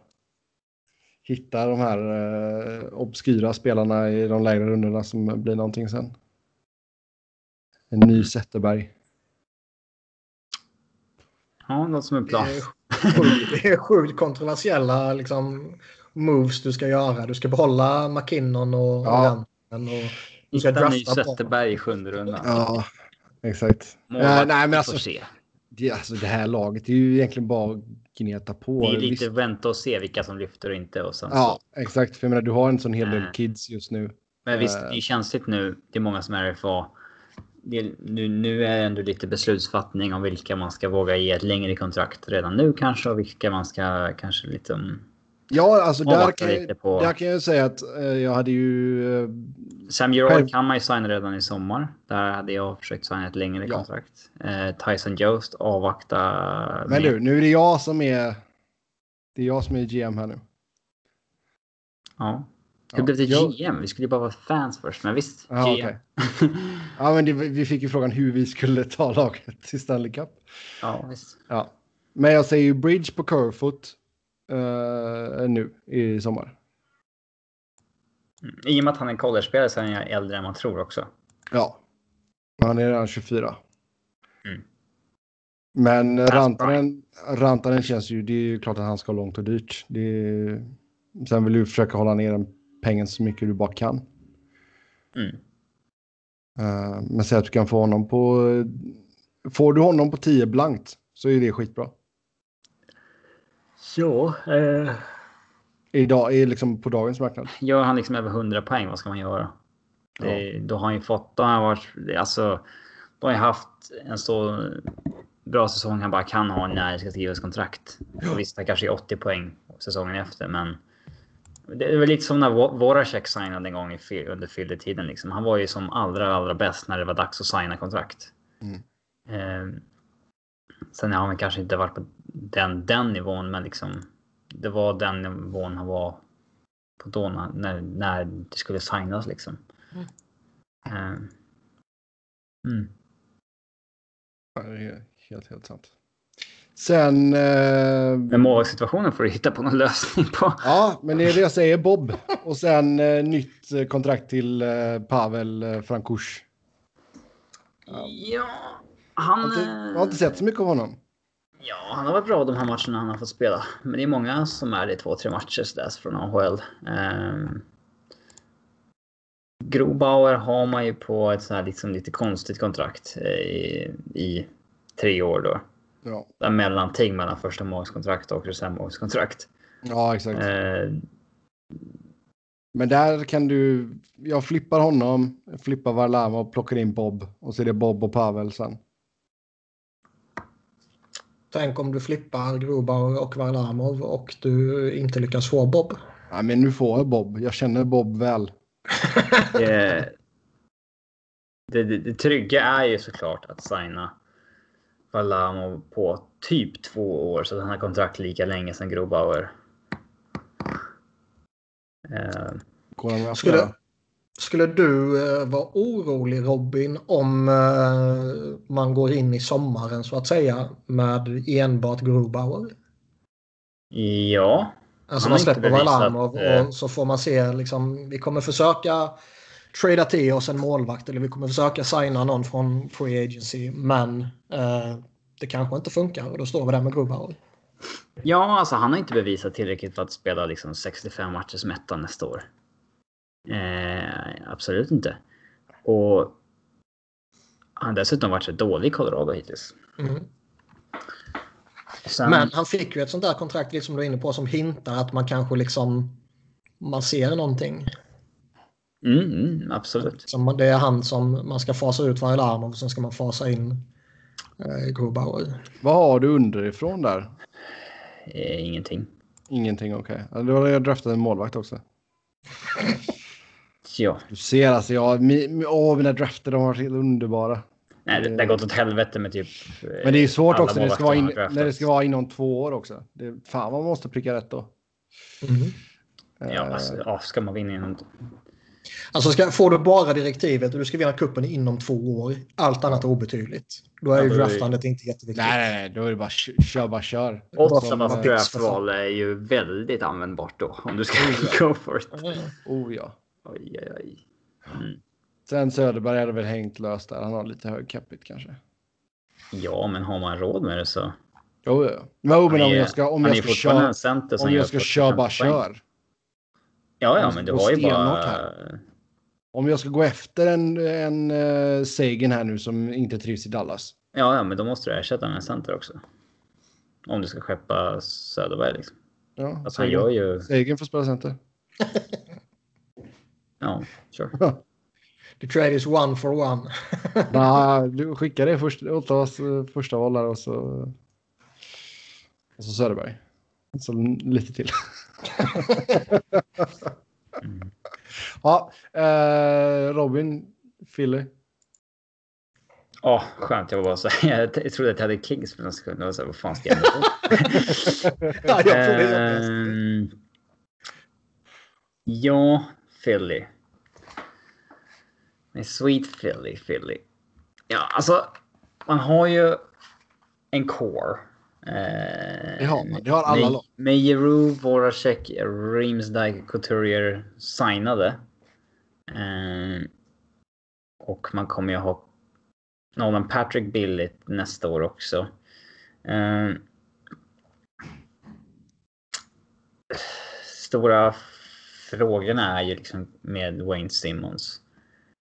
Eh, och där hade jag nog... Även om det, det rimliga när man är, ska vinna inom två år är väl kanske att behålla. Men där hade jag nog valt trada. Eh, alltså det är ju ett värde att få in en spelare på ett ELC-utbyte också. Alltså en spelare som är bättre än vad kontraktet säger i Ja. liksom cap hit. För det är då du kan satsa.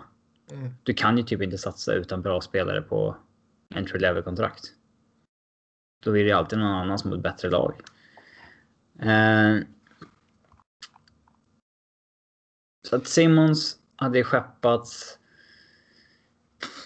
Eh, mot någon, alltså det är svårt att säga mot vem. Vem skulle ta emot honom och så vidare. Men någon yngre forward som spelar ungefär på samma position. Sen är det center, left eller höger. Det, det vet jag inte. En yngre Men- forward som är forward. Ja, en yngre forward på E- ELC. Mm. Mm.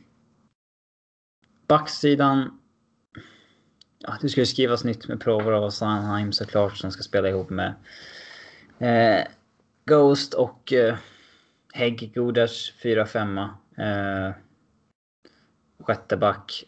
Jag skulle ha försökt kapa McDonalds så att man kan eh, skapa liksom, lite capita för en, en satsning så att säga. Alltså eventuellt betala någon för att ta McDonalds då så att man Han är ju inte skapar överjävlig det- att köpa ut faktiskt. Nej, eh, nu är det ju så pass kort kvar på det här kontraktet. Eh, Försök ska- inte hjälpa honom här nu Niklas. men sen är det ju Inte stora... Eh, sidan.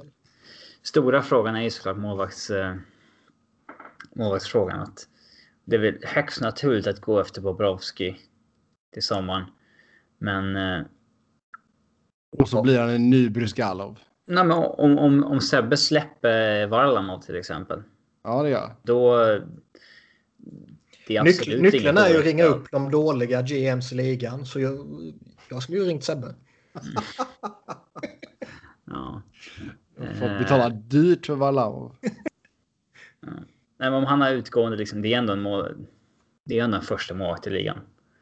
Eh, sen är det ju också en målvakt som har problem med skador. Så det är förmodligen Passar bra in i då. inget första alternativ så, men det är ändå en genuin första målvakt som har varit första målvakt i ligan i många år nu. Liksom. Eh, kan man bara hitta en League average målvakt eh, som man ändå vet vad man får av och jag gillar ju Varlamov för det finns en högsta nivå där som är liksom rätt brutal också. Eh, och har alltid funnits. Eh, eh, så något erfaret målvaktsalternativ så. Eh, man ska ju nog inte förlita sig för hårt på Carter Hart kortsiktigt. Eh, ja. Mm. Ja, då går vi till Niklas. Ska du få Kings att vinna igen inom två år? Ja, inom två år. Det här, det, jag vill höra detta nu. Jag ska spela in detta och skicka till Rob Blake. Grejen är att är det enklare att få Kings till att vinna inom två år än vad det är inom fem år? Ja, det är det. Det är det väl? Ja, det är klart att du kan på något jäkla vänster krama ut det sista. Kapet är ju fortfarande detta. bra om två år. Det Nej, men det känns, nej, exakt. Men det, det, det känns ju som att du har en, en core som kortsiktigt är liksom contender-kompatibel. Med- Ja, med- det är med ingen sleeping liksom. giant så, men ändå lite. Alltså, Ja, du har Quick som, eh, är han frisk eh, så är han en, en duglig målvakt som kan pricka en satans toppform. Uh, han borde, om det inte är så att han, hans kropp har gått sönder fullkomligt så borde han över en tvåårsperiod fortfarande vara en, en, en bra målvakt. Liksom. Uh, Trudeau, det kommer givetvis vara jättebra i några år till. Anse Kopitar kommer vara jättebra i några år till. Uh, Jeff Carter borde vara bra i några år till. Liksom där har du ändå fyra stycken som är... Där kan du bygga någonting kortsiktigt på. Som, som din core. Liksom. Ja. I synnerhet de tre första. Eh, men vad fan ska jag göra sen? Alltså, grejen är du måste bli lite yngre, du måste bli lite snabbare. Fanuff är ju helt slut, ser det ut som. Men- spelar väl ingen roll egentligen. Alltså, det är väl bara kvalitet som räknas. Ja, alltså om, om du Ja, bara helt förutsättningslöst ska bygga över en tvåårsperiod. Du behöver inte bry dig ett skit om vad som händer eh, Efteråt, efter det. Nej, Eller du får sparken sådär. efter. Efter Ja. att du vinner så får du sparken. Ja, eller, eller eh, whatever. Så Ja. egentligen behöver man inte bry sig om att vi måste ha in spelare 20 till 22 år. Eller vi måste ha in den och det och på det sättet och sådär. Utan du ska bara bygga någonting som kommer få effekt direkt. Eh, Så oavsett ålder så behöver du i alla fall få in speed. Så mycket kan vi säga. Ja, jag tror väl att Faneuf i dagsläget eh, inte kommer ge någonting. Nej. Jag tror att man kanske tjänar Nej, mer på... du tjänar inte mer på att behålla honom. Det gör du inte. Nej, men det är inte du som bestämmer nu. Nej, jag vet. Jag tror att eh, utbytet du kommer få för honom, det kommer liksom vara, förmodligen kommer du behöva betala för att skicka ut honom.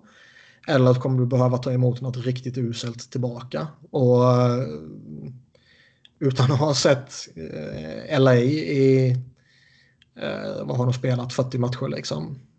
Så eh, tror jag att Dion Phaneuf, det finns fortfarande någonting kvar i honom liksom. För jag kommer givetvis sparka Desjardins direkt. Ja, tack. Ehm, så jag tror man får behålla honom och ska man göra någonting på backsidan så är det ju Jake Massin eller uh, Alec Martinez som man måste uh, casha in på. Ja, fast det är ju samma sak där inom två, alltså är det bara två år som gäller så är det ju skitsamma. Då kan du, då kan du verkligen behålla de två. Jag tror man kan uppgradera med hjälp Okej. av de två. Ja, Genom att eh, plussa på någonting. okej. Alltså Ja, ja, alltså, föryngra dig samtidigt som du uppgraderar dig. Ja, skit i föryngra, bara gör det bättre. Ja. Det tror jag, det man, det, tror jag Nej, men liksom föryngring innebär ju generellt sett att du kanske blir lite eh, kvickare. För det, Det är ju som du säger, det behövs. Jo. Ehm, men där tror jag liksom eh, om man bara ska bygga på en tvåårsperiod då skiter jag i Sebbes gameplan och ska drafta och fan då kommer jag skicka allt som går att skicka. Ja. Dylan Eh. Bardy-style alltså. Ja. För det är de direktiven man har. Erik Karlsson till Kings då, med andra ord. Ja. Trevligt. eh, Jag kommer skicka first rounder 2019, 2020, 21, 22, 23, 24. Och ja, Alec Martinez. och Alec Martinez. Ja, för Karlsson. Ja. Ja, det- ja. Nej, men jag tror liksom att bygga ihop ett paket med någon av de två. Eh, där tror jag man kan uppgradera. Och det behöver man göra. Och då har du en Drew Dowdy, du har eh, vem det nu än blir, det, det pallar jag inte gå in på. Du har han och sen har du en av de två. Så har du ändå tre stycken fina topp fyra backar tycker jag. Mm. Och eh, sen kommer du gå för någon på Free Agency. Om det sen är Erik Karlsson eller vem det nu kan vara. Det, jag har personligen svårt att se att Erik Karlsson landar på Free Agency. Om han inte eh, signar med San Jose så kommer eh, alltså rättigheterna kommer flippas eller något sånt här. Mm. Eh, Men då kommer jag givetvis flippa dem till mig. Ja. Mot vad har jag ingen jävla aning om för Kings har ju inte ett skit. Nej, det är ju de där draftvalen du precis snackade om. Ja, och det är, men jag menar prospects. Liksom. Ja nej, nej, nej. Det är liksom Gabriel Velarde och Rasmus Cooper. Det är väl... Anderson Dolan är väl också en vettig prospect. Jo, alltså vettiga, men det är ju inga super prospects. Nej, det är ju inte någon som gör någon impact direkt känns det som. Och då Nej. kanske man hellre ska använda dem som uh, trade baits. Ja.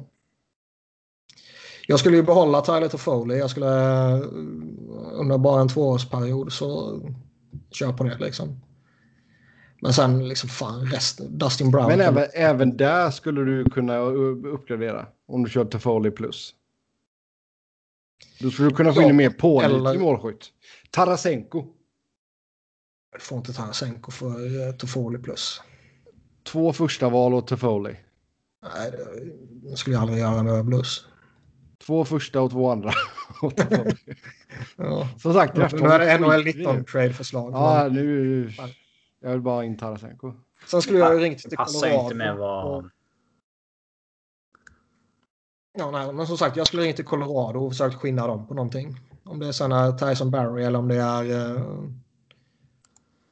Mikko Rantanen, vad det nu skulle vara. Där, där, där, liksom, där finns det ju inkompetens som man kan exploatera. Det tror jag inte.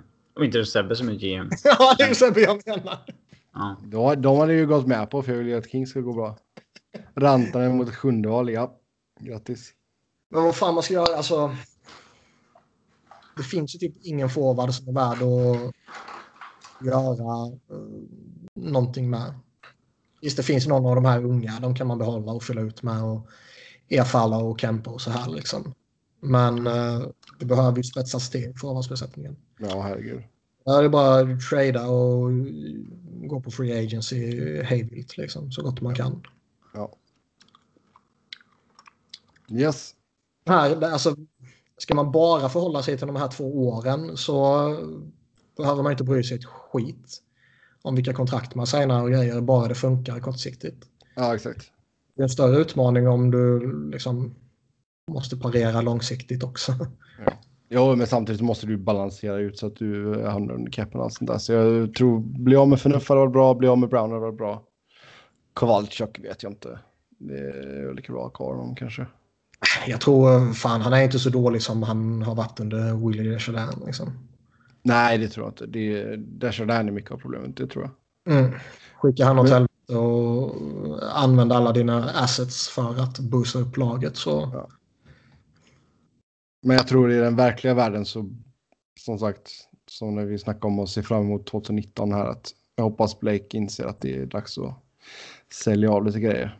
Och jag kan förstå Jag, att det jag, kan fick, vara... jag fick den mest omöjliga uppgiften av oss tre. Ja, det fick du. Det fick du.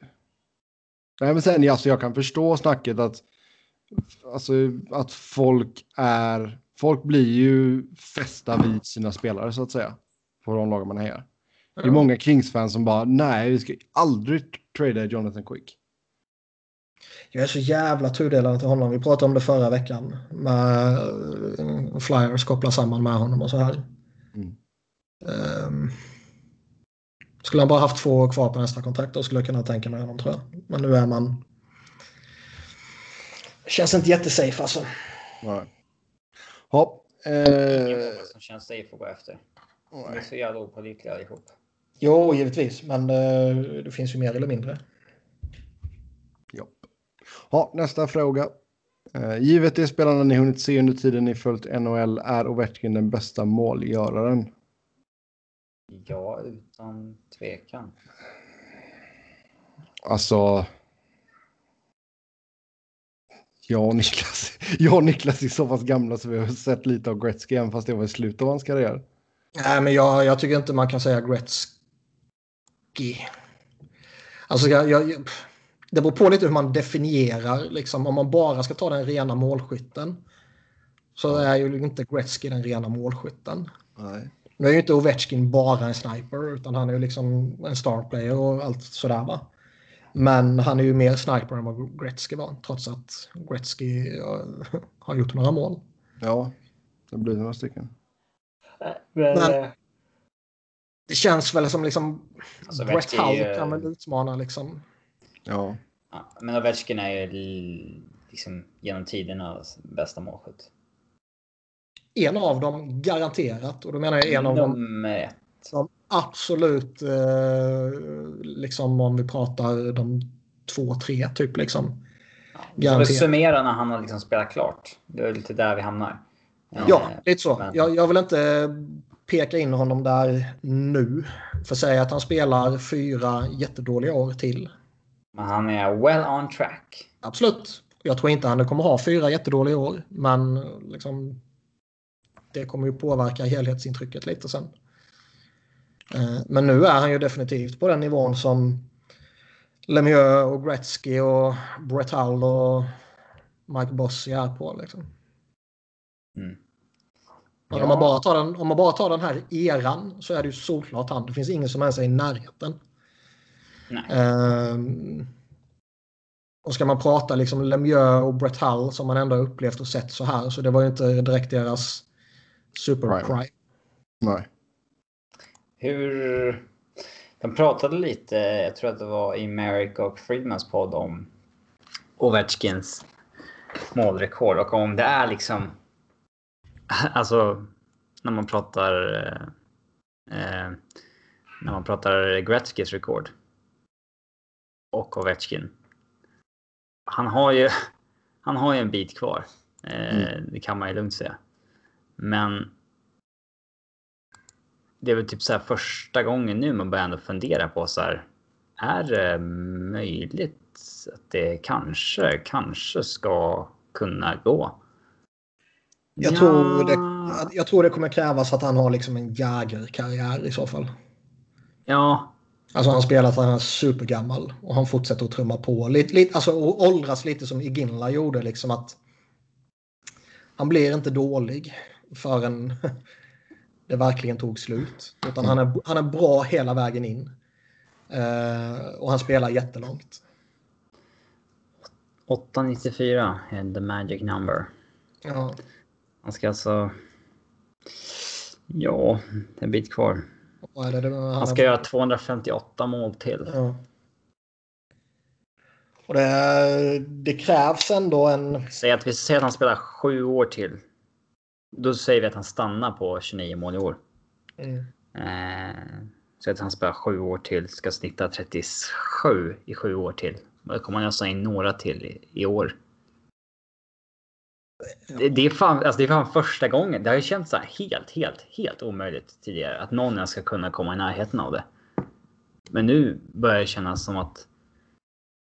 Ja, alltså det finns fan en Alltså det, det, det, möjlighet för, om det, allt faller det är väl de sista åren. Ja, det är för tidigt att måla upp det som en reell möjlighet. Eh, Ja. det, tror, det tror jag man eventuellt kan göra först om typ tre år. Men Friedman sa, men säg att han gör 60 baljor de kommande tre åren. Då är det ju så, oh shit. Nu. Ja, då ska man ju bara tugga på riktigt. Men, Men- säg att han gör 40. Ja. Då blir det ju liksom... Mm, Freeman hade frågat honom för några år sedan. Han fick ju i, typ i uppdrag att fråga honom. Nej, Mm. av någon ovanför honom att fråga honom om Ovechkins rekord. Ovechkin kollade på honom som att han var typ dum i huvudet och bara sa så här, men det, det är helt jävla omöjligt fattar du väl liksom. Det, men eh, Ja. Nej, vi får, vi får ta upp den igen om några år. alltså målskytte, det fejdar ju. ja, Speciellt Ja. den typen av målskytte som han. Han bombar i puckarna liksom. Han måste ju bara slita sönder sina armar en gång. det var intressant dock. Jag, det kan ha varit Friedman som, som skrev att eh, liksom han, eh, han skjuter fortfarande lika hårt, han skjuter på samma sätt och lite sådana här grejer. Så än ser man ju ingenting av det. Nej. Eh, ja, nej, jag, jag, jag tror det är, li- det, är, det är lite för tidigt att måla upp det som en uh, reell möjlighet. Jag twittrar eh, varje gång i mån nu. 257 kvar. ja, 36. Ja. Det kontot finns säkert redan, eller? ja. Ja, vem kommer ha störst chans att drafta Jack Hughes? Flyers, Kings eller Avs? Ja, det är ju Kings. Ja, det är väl Avs. Med tanke på att de har både Ottawa och... Ja, just det. Ja, för fan. eh, Nu glömde jag ju det draftvalet. Jag har ju skickat bort det i min eh, fiktionella värld. och Tarasenko. Ja, exakt. Nej, nu, nu är Avs... De har torskat sex matcher också. Nu är det på raken. Så de ligger på... Har tappat ner till en wildcard-plats. Eh, skulle de själva hamna utanför slutspel också. Vilket inte är omöjligt. Det är, liksom, det är ju jämnt där liksom. Ja. Eh, då... Ja. Ja, nej, nej, då, ma- matematiskt sett så... Går man in på Sense Pick Tracker så är det just nu att det... Ja, det kan ju bara vara topp 5-val. Eh, Ottawas pick just nu. Mm. 13% på första val, 13% på andra val, 12% på tredje val, 33% på fjärde val, 28% på femte val. Jag hoppas att de faller en plats till så det är garanterat topp 4. Mm. Det vore så rättvist om Äv fick, om Äv fick nummer, nummer ett i och med att man föll så långt ner man kunde till nummer fyra när man väl var själv bottom sist. Eh, och var liksom historiskt usla. Så fick man det sämsta val man kunde få matematiskt. Ja. Nej, men det är ju helt sant matematiskt sett. Eh, sen eh, Carter Hart-frågorna skiter jag fullständigt i.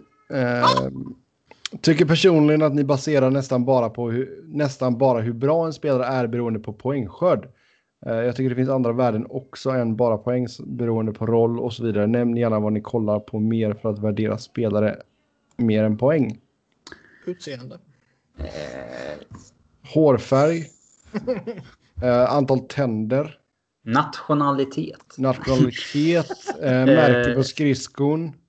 Eh, nej men det här, så här måste folk komma ihåg. Om du sitter, om du lyssnar på vår podd och håller på Calgary och vi ska utvärdera huruvida Sean Monahan haft en bra säsong eller inte. Du har ju sett varenda Calgary-match då. Alltså. Vi ser ju inte alla matcher med 31 lag. Nej. Så det... Det kan... Det är klart Det är att oundvikligt poängskörden är oundvikligen det största intrycket. Alltså det... Något annat finns ju inte. Ehm, pl- Plus minus tittar man inte på överhuvudtaget. Och Nej. Men du kollar på Corsi och lite andra underliggande siffror. Nej, men avancerad statistik använder man ju. Ja, det är absolut. liksom statistik som man går på i, i, i stora... eh, Till stor del. Det blir ju oundvikligen så som, som Robin sa. Framförallt när det gäller forwards. Mm. Ja, och sen blir det väl också liksom att... Ja, jag har ju rimligtvis... Alltså följer rimligtvis Eastern Conference lite mer än vad ni gör. Med tanke på att mitt lag är i östra. Ja, östra. inte längre. Nej, du har gett upp Kings nu eller? Nej, jag har mätt gett, gett upp och se West Coast-matcherna live. Ja. Jävla medgångssupporter du är. Ja, Fy fan vad jag hatar det nu. Nej men alltså det, det är ju en faktor också. Vilket lag man själv följer. Om man följer det i Western eller i Eastern. Så har man ju... Alltså man, man har ju bättre koll på... Niklas Bäckström än vad man har på Jamie Benn. Jo. Jo, absolut. Och sen, alltså, sen blir det ju att du kör ju... Alltså, det beror på vad det är för spelare också, som Robin sa. Men är det så att jag sitter och har någon speciell uppgift och ska kolla en defensiv back, ja, då kollar jag lite positionsspel, jag kollar klubbhantering, sådana grejer. Eh, så jag menar, det finns ju en massa olika sätt att värdera en spelare på, absolut. Men um, som vi säger i stort. Jo, men det man måste komma ihåg att vi ser inte alla matcher. Alltså... Nej, jag ser många matcher, men jag ser inte alla matcher. Alltså vissa lag kanske man ser man i princip aldrig. Minnesota till exempel. Minnesota, ja. exakt. Eh. Och andra lag ser man alldeles för mycket Chicago. Ja, men ta något Eastern-lag här som jag förmodligen inte har sett någonting i år. Vad kan det vara? Columbus har du inte sett mycket av det. Mm. Islanders har fan inte sett mycket av nu utan John Tavares. Eh, knappt någon match kan jag tänka mig. Har de mött Äs någon gång i så fall har jag sett dem någon gång då. Men... Eh, ja. Mm. Men man kommer ju inte ifrån det. Sen alltså, det är ju många saker. Sen, intangibles är ju liksom känner jag relevant ibland och ibland en jävla skitsak. Lite beroende på vad för sak det är man, man tittar på. Eh, vad det är för spelare. Grit. det är, nej men så är det ju. Alltså intangibles är ju ibland relevant, ibland är det en jävla skitsak. Det tycker jag. Jo. Ja, jag tror vi kan, vi kan säkert tillhöra de som underskattar eh, intangibles mest liksom för att vi går liksom lite över åt andra, alltså. Ja, då. Ja, gå till överdrift åt andra hållet liksom. Det tror jag. Ja, jag såg här Sportsnet-rubrik med Tim and Sid. Should Elias Pettersson be considered for the Hart Trophy? eh, Okej. Okay. eh, eh, nej, är svaret på den frågan. Men... Eh, ja. Ja, intangible svar. Eh, det finns ju garanterat de som överskattar den biten och vissa andra underskattar nog den biten. Eh, Jo, men det är lite alltså just när det kommer till de lagen ser mest eller de spelarna som ser mest. Liksom då är det ju en som vi pratade, vi, vi pratade om det förra veckan, va? då var inte du med Robin. Just det här med liksom advanced stats versus eye-test och sådana grejer. Liksom, Men det är en perfekt värld så är det någon form av symbios där. Vi pratade det om eh, Pierre Maguire sa att liksom eh, advanced analytics eh, folket liksom det, det har varit en bust liksom.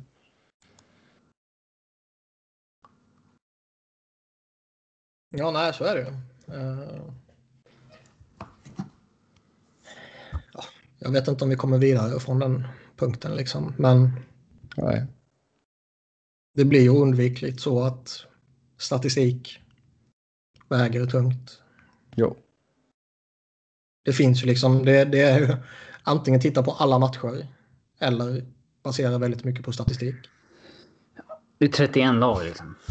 Det är inte att följa allsvenskan eller någonting där det är 16 lag och den spelas en gång i veckan var. Eh... Mm. Nej, då ska man ju se alla matcher nästan. Ja, annars, det är annars, svårt att se. Avgå annars.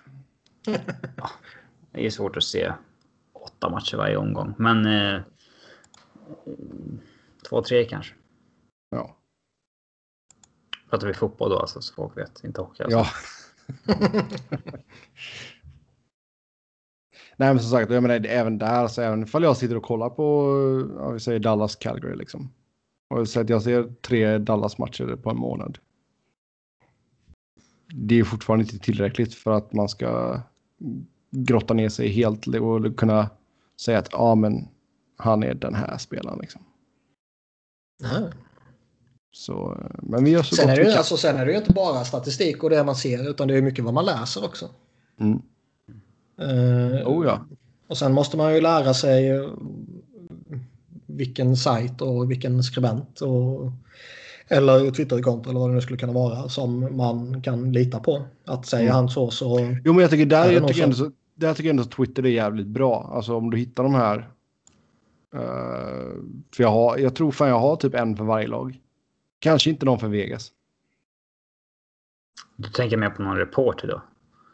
Ja, någon reporter, någon... Uh, Du tänker ja, på exakt. tyckare så att säga? Nej. Fast där är det ju mer att du har typ Freeman typer liksom. Ja, det är mer reportrar. Mm. Tycker till om huruvida Matt Duchene är ett problem eller en asset för Ottawa. Liksom. Ja. Hopp, eh, det var någon som nämnde Mark Giordano i diskussionen om potentiella problemkontrakt innan säsongen. Skulle vilja ha en fullständig utläggning och offentlig avrättning på vem det nu var. Minns inte säkert Sebbe, alltid Sebbe. Det var säkert, det var säkert inte jag. Garanterat.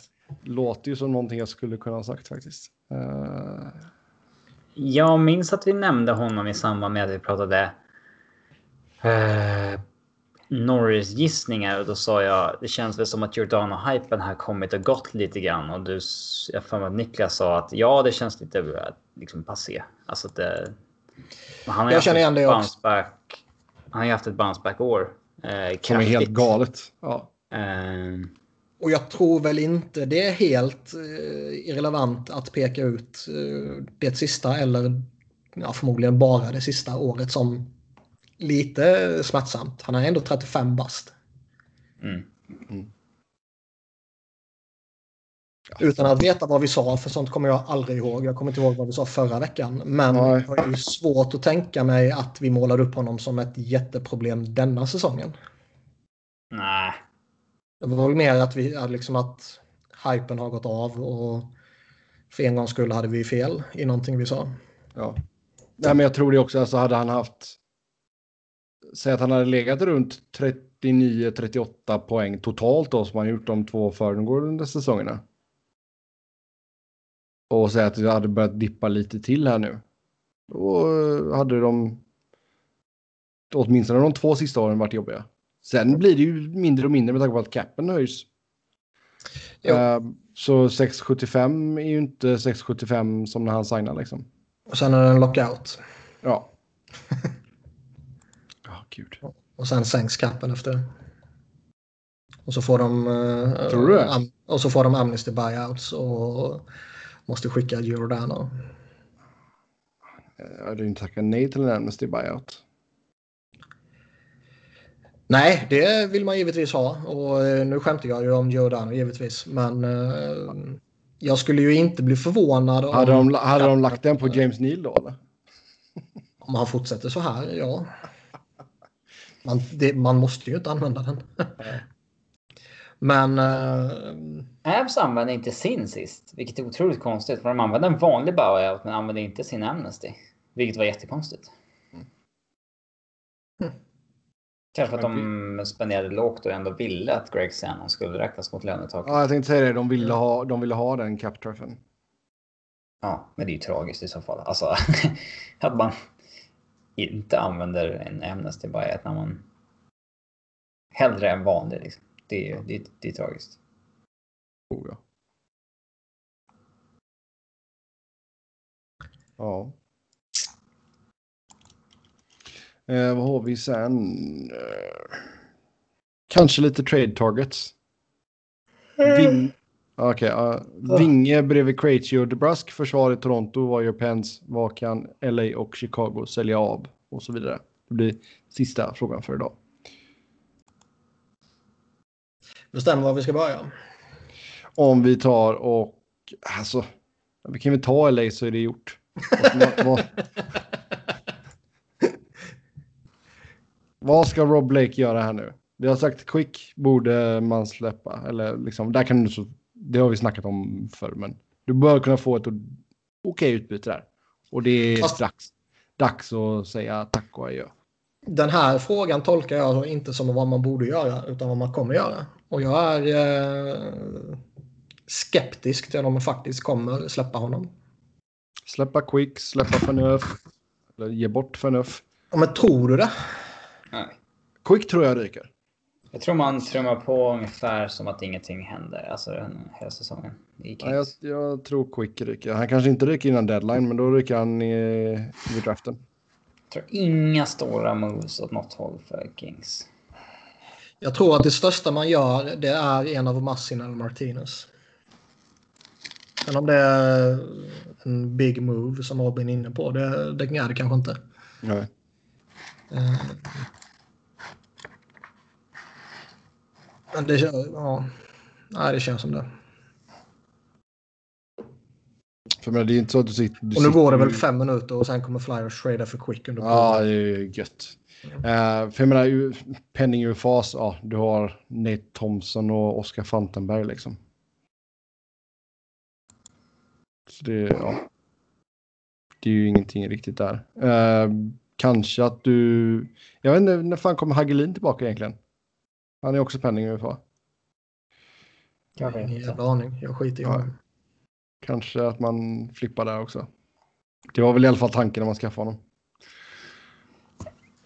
När, när jag sa KBK på jobbet så då sa en tjej till mig, man säger FKB.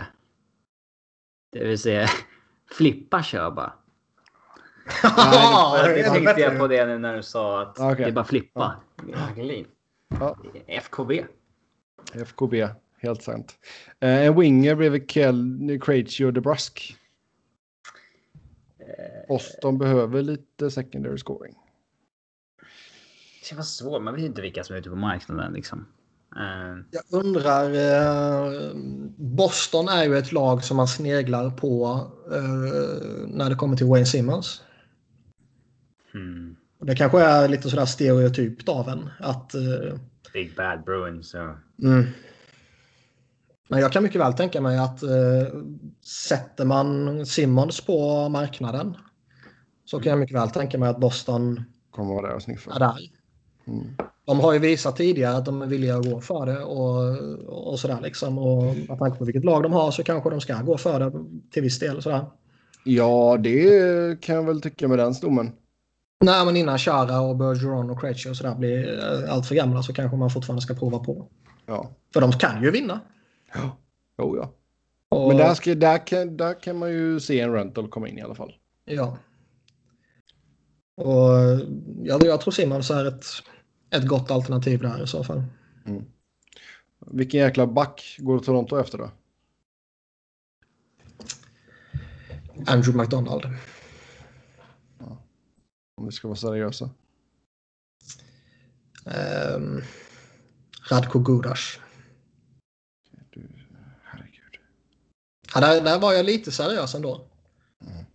Eh, det oseriösa ligger kanske snarare att jag bara fokuserade på Flyers. Ja, Jag, jag tror att Gudas kan vara, eh, kanske inte specifikt Toronto, även om eh, här kanske man också är lite stereotyp och tänker vad Babsan vill ha och vad han har haft tidigare och vad han har tappat. Och så kommer han säga till det Kyle Dubas, att ge mig den där backen.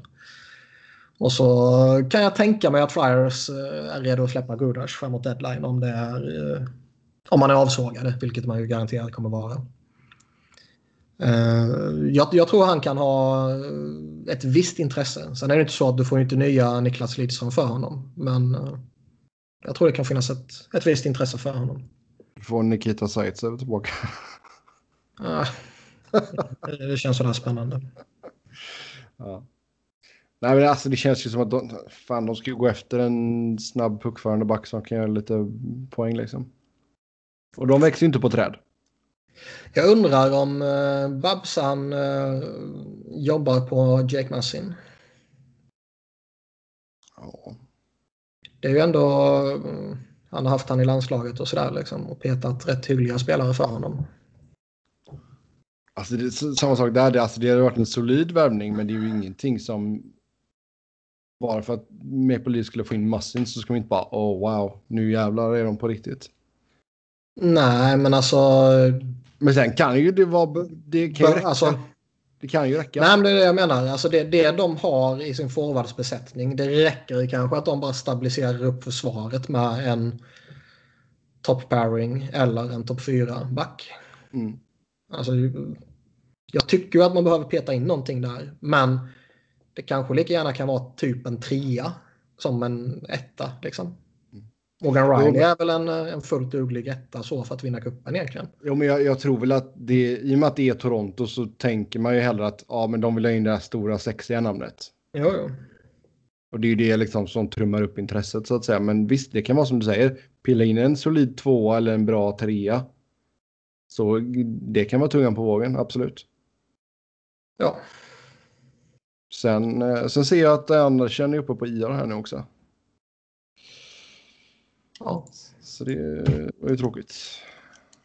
Honom behöver de ju. Eh, Hur ska vi se. Kortsiktigt överlevande. Ja. Retroaktivt också från den 23. Eh, vad hade vi mer? Penguins?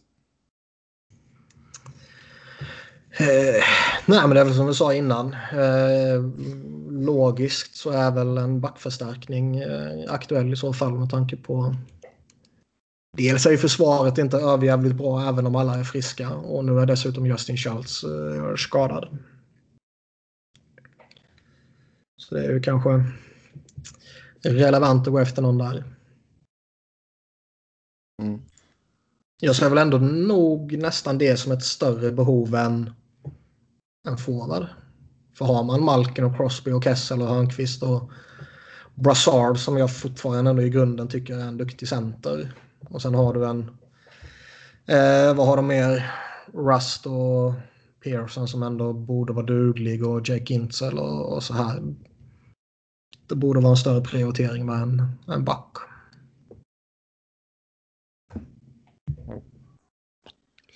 Eh, och sen Chicago sälja. Var det sista. Ja, allt som är möjligt. Ja, men det har man inte lite för hög självbild av sig själva fortfarande. Tror jag inte man har när man sparkade Quenneville. Mm, nej. Nej. Nej, jag tror att de, de är, alltså jag tycker de agerar ganska, ganska klokt med sina mindre moves än dess med Dylan Strom och... Jag tycker ju faktiskt att Manning och- eh, ja. Stan Bowman tycker jag gjorde konstiga grejer i somras. Men jag tycker han har gjort rätt bra här under säsongen. Som, som du var inne på. Eh, Ytterst få saker dock ska tilläggas. Men jo, men det är liksom ändå den Strom-traden som, som jag tycker ser intressant ut. Och Han lyckades skippa ut en, en Brandon Manning som hade ytterligare ett år kvar på sitt kontrakt. Och, och så här liksom. Och, han måste ju göra någonting. För det kommer ju inte bara lösa sig av sig självt av att kåren blir äldre liksom och nej, det inte finns något att fylla på med. Däremot är det kanske lite intressant så att eh, det har ju kommit lite rykten här nu att eh, Chicago kanske är ett jätterelevant alternativ för Panarin om han blir UFA. Eller när han blir kanske man ska säga. Eh, frågan är ju liksom om Chicago kan ha känt till det här tidigare och de liksom den här säsongen tar vi ett mellanår och eh, det är först när, när han kommer in som vi ska försöka oss på någonting och så plockar man in en Cam Ward bara för att fylla ut någon, någon en, en plats på rosten liksom. Samma sak med Chris Kunitz och, och så här liksom. Och sen försöker man bygga till kommande säsong istället. Ja. Kanske. Kanske. Japp, japp, japp. Men nu kortsiktigt ska man ju fan sälja av allt som, som du kan och som du inte har något behov av i framtiden. Ja, det är helt sant. Ja, då tar vi och säger tack och adjö för den här gången. Som vanligt ska ni köta hockey med oss via Twitter. Mig hittar ni på Apseb Noren, Niklas hittar ni på Niklas Wiberg, Niklas med C och enkel V och Robin hittar ni på R underscore Fredriksson. Tills nästa gång, ha det gött, hej!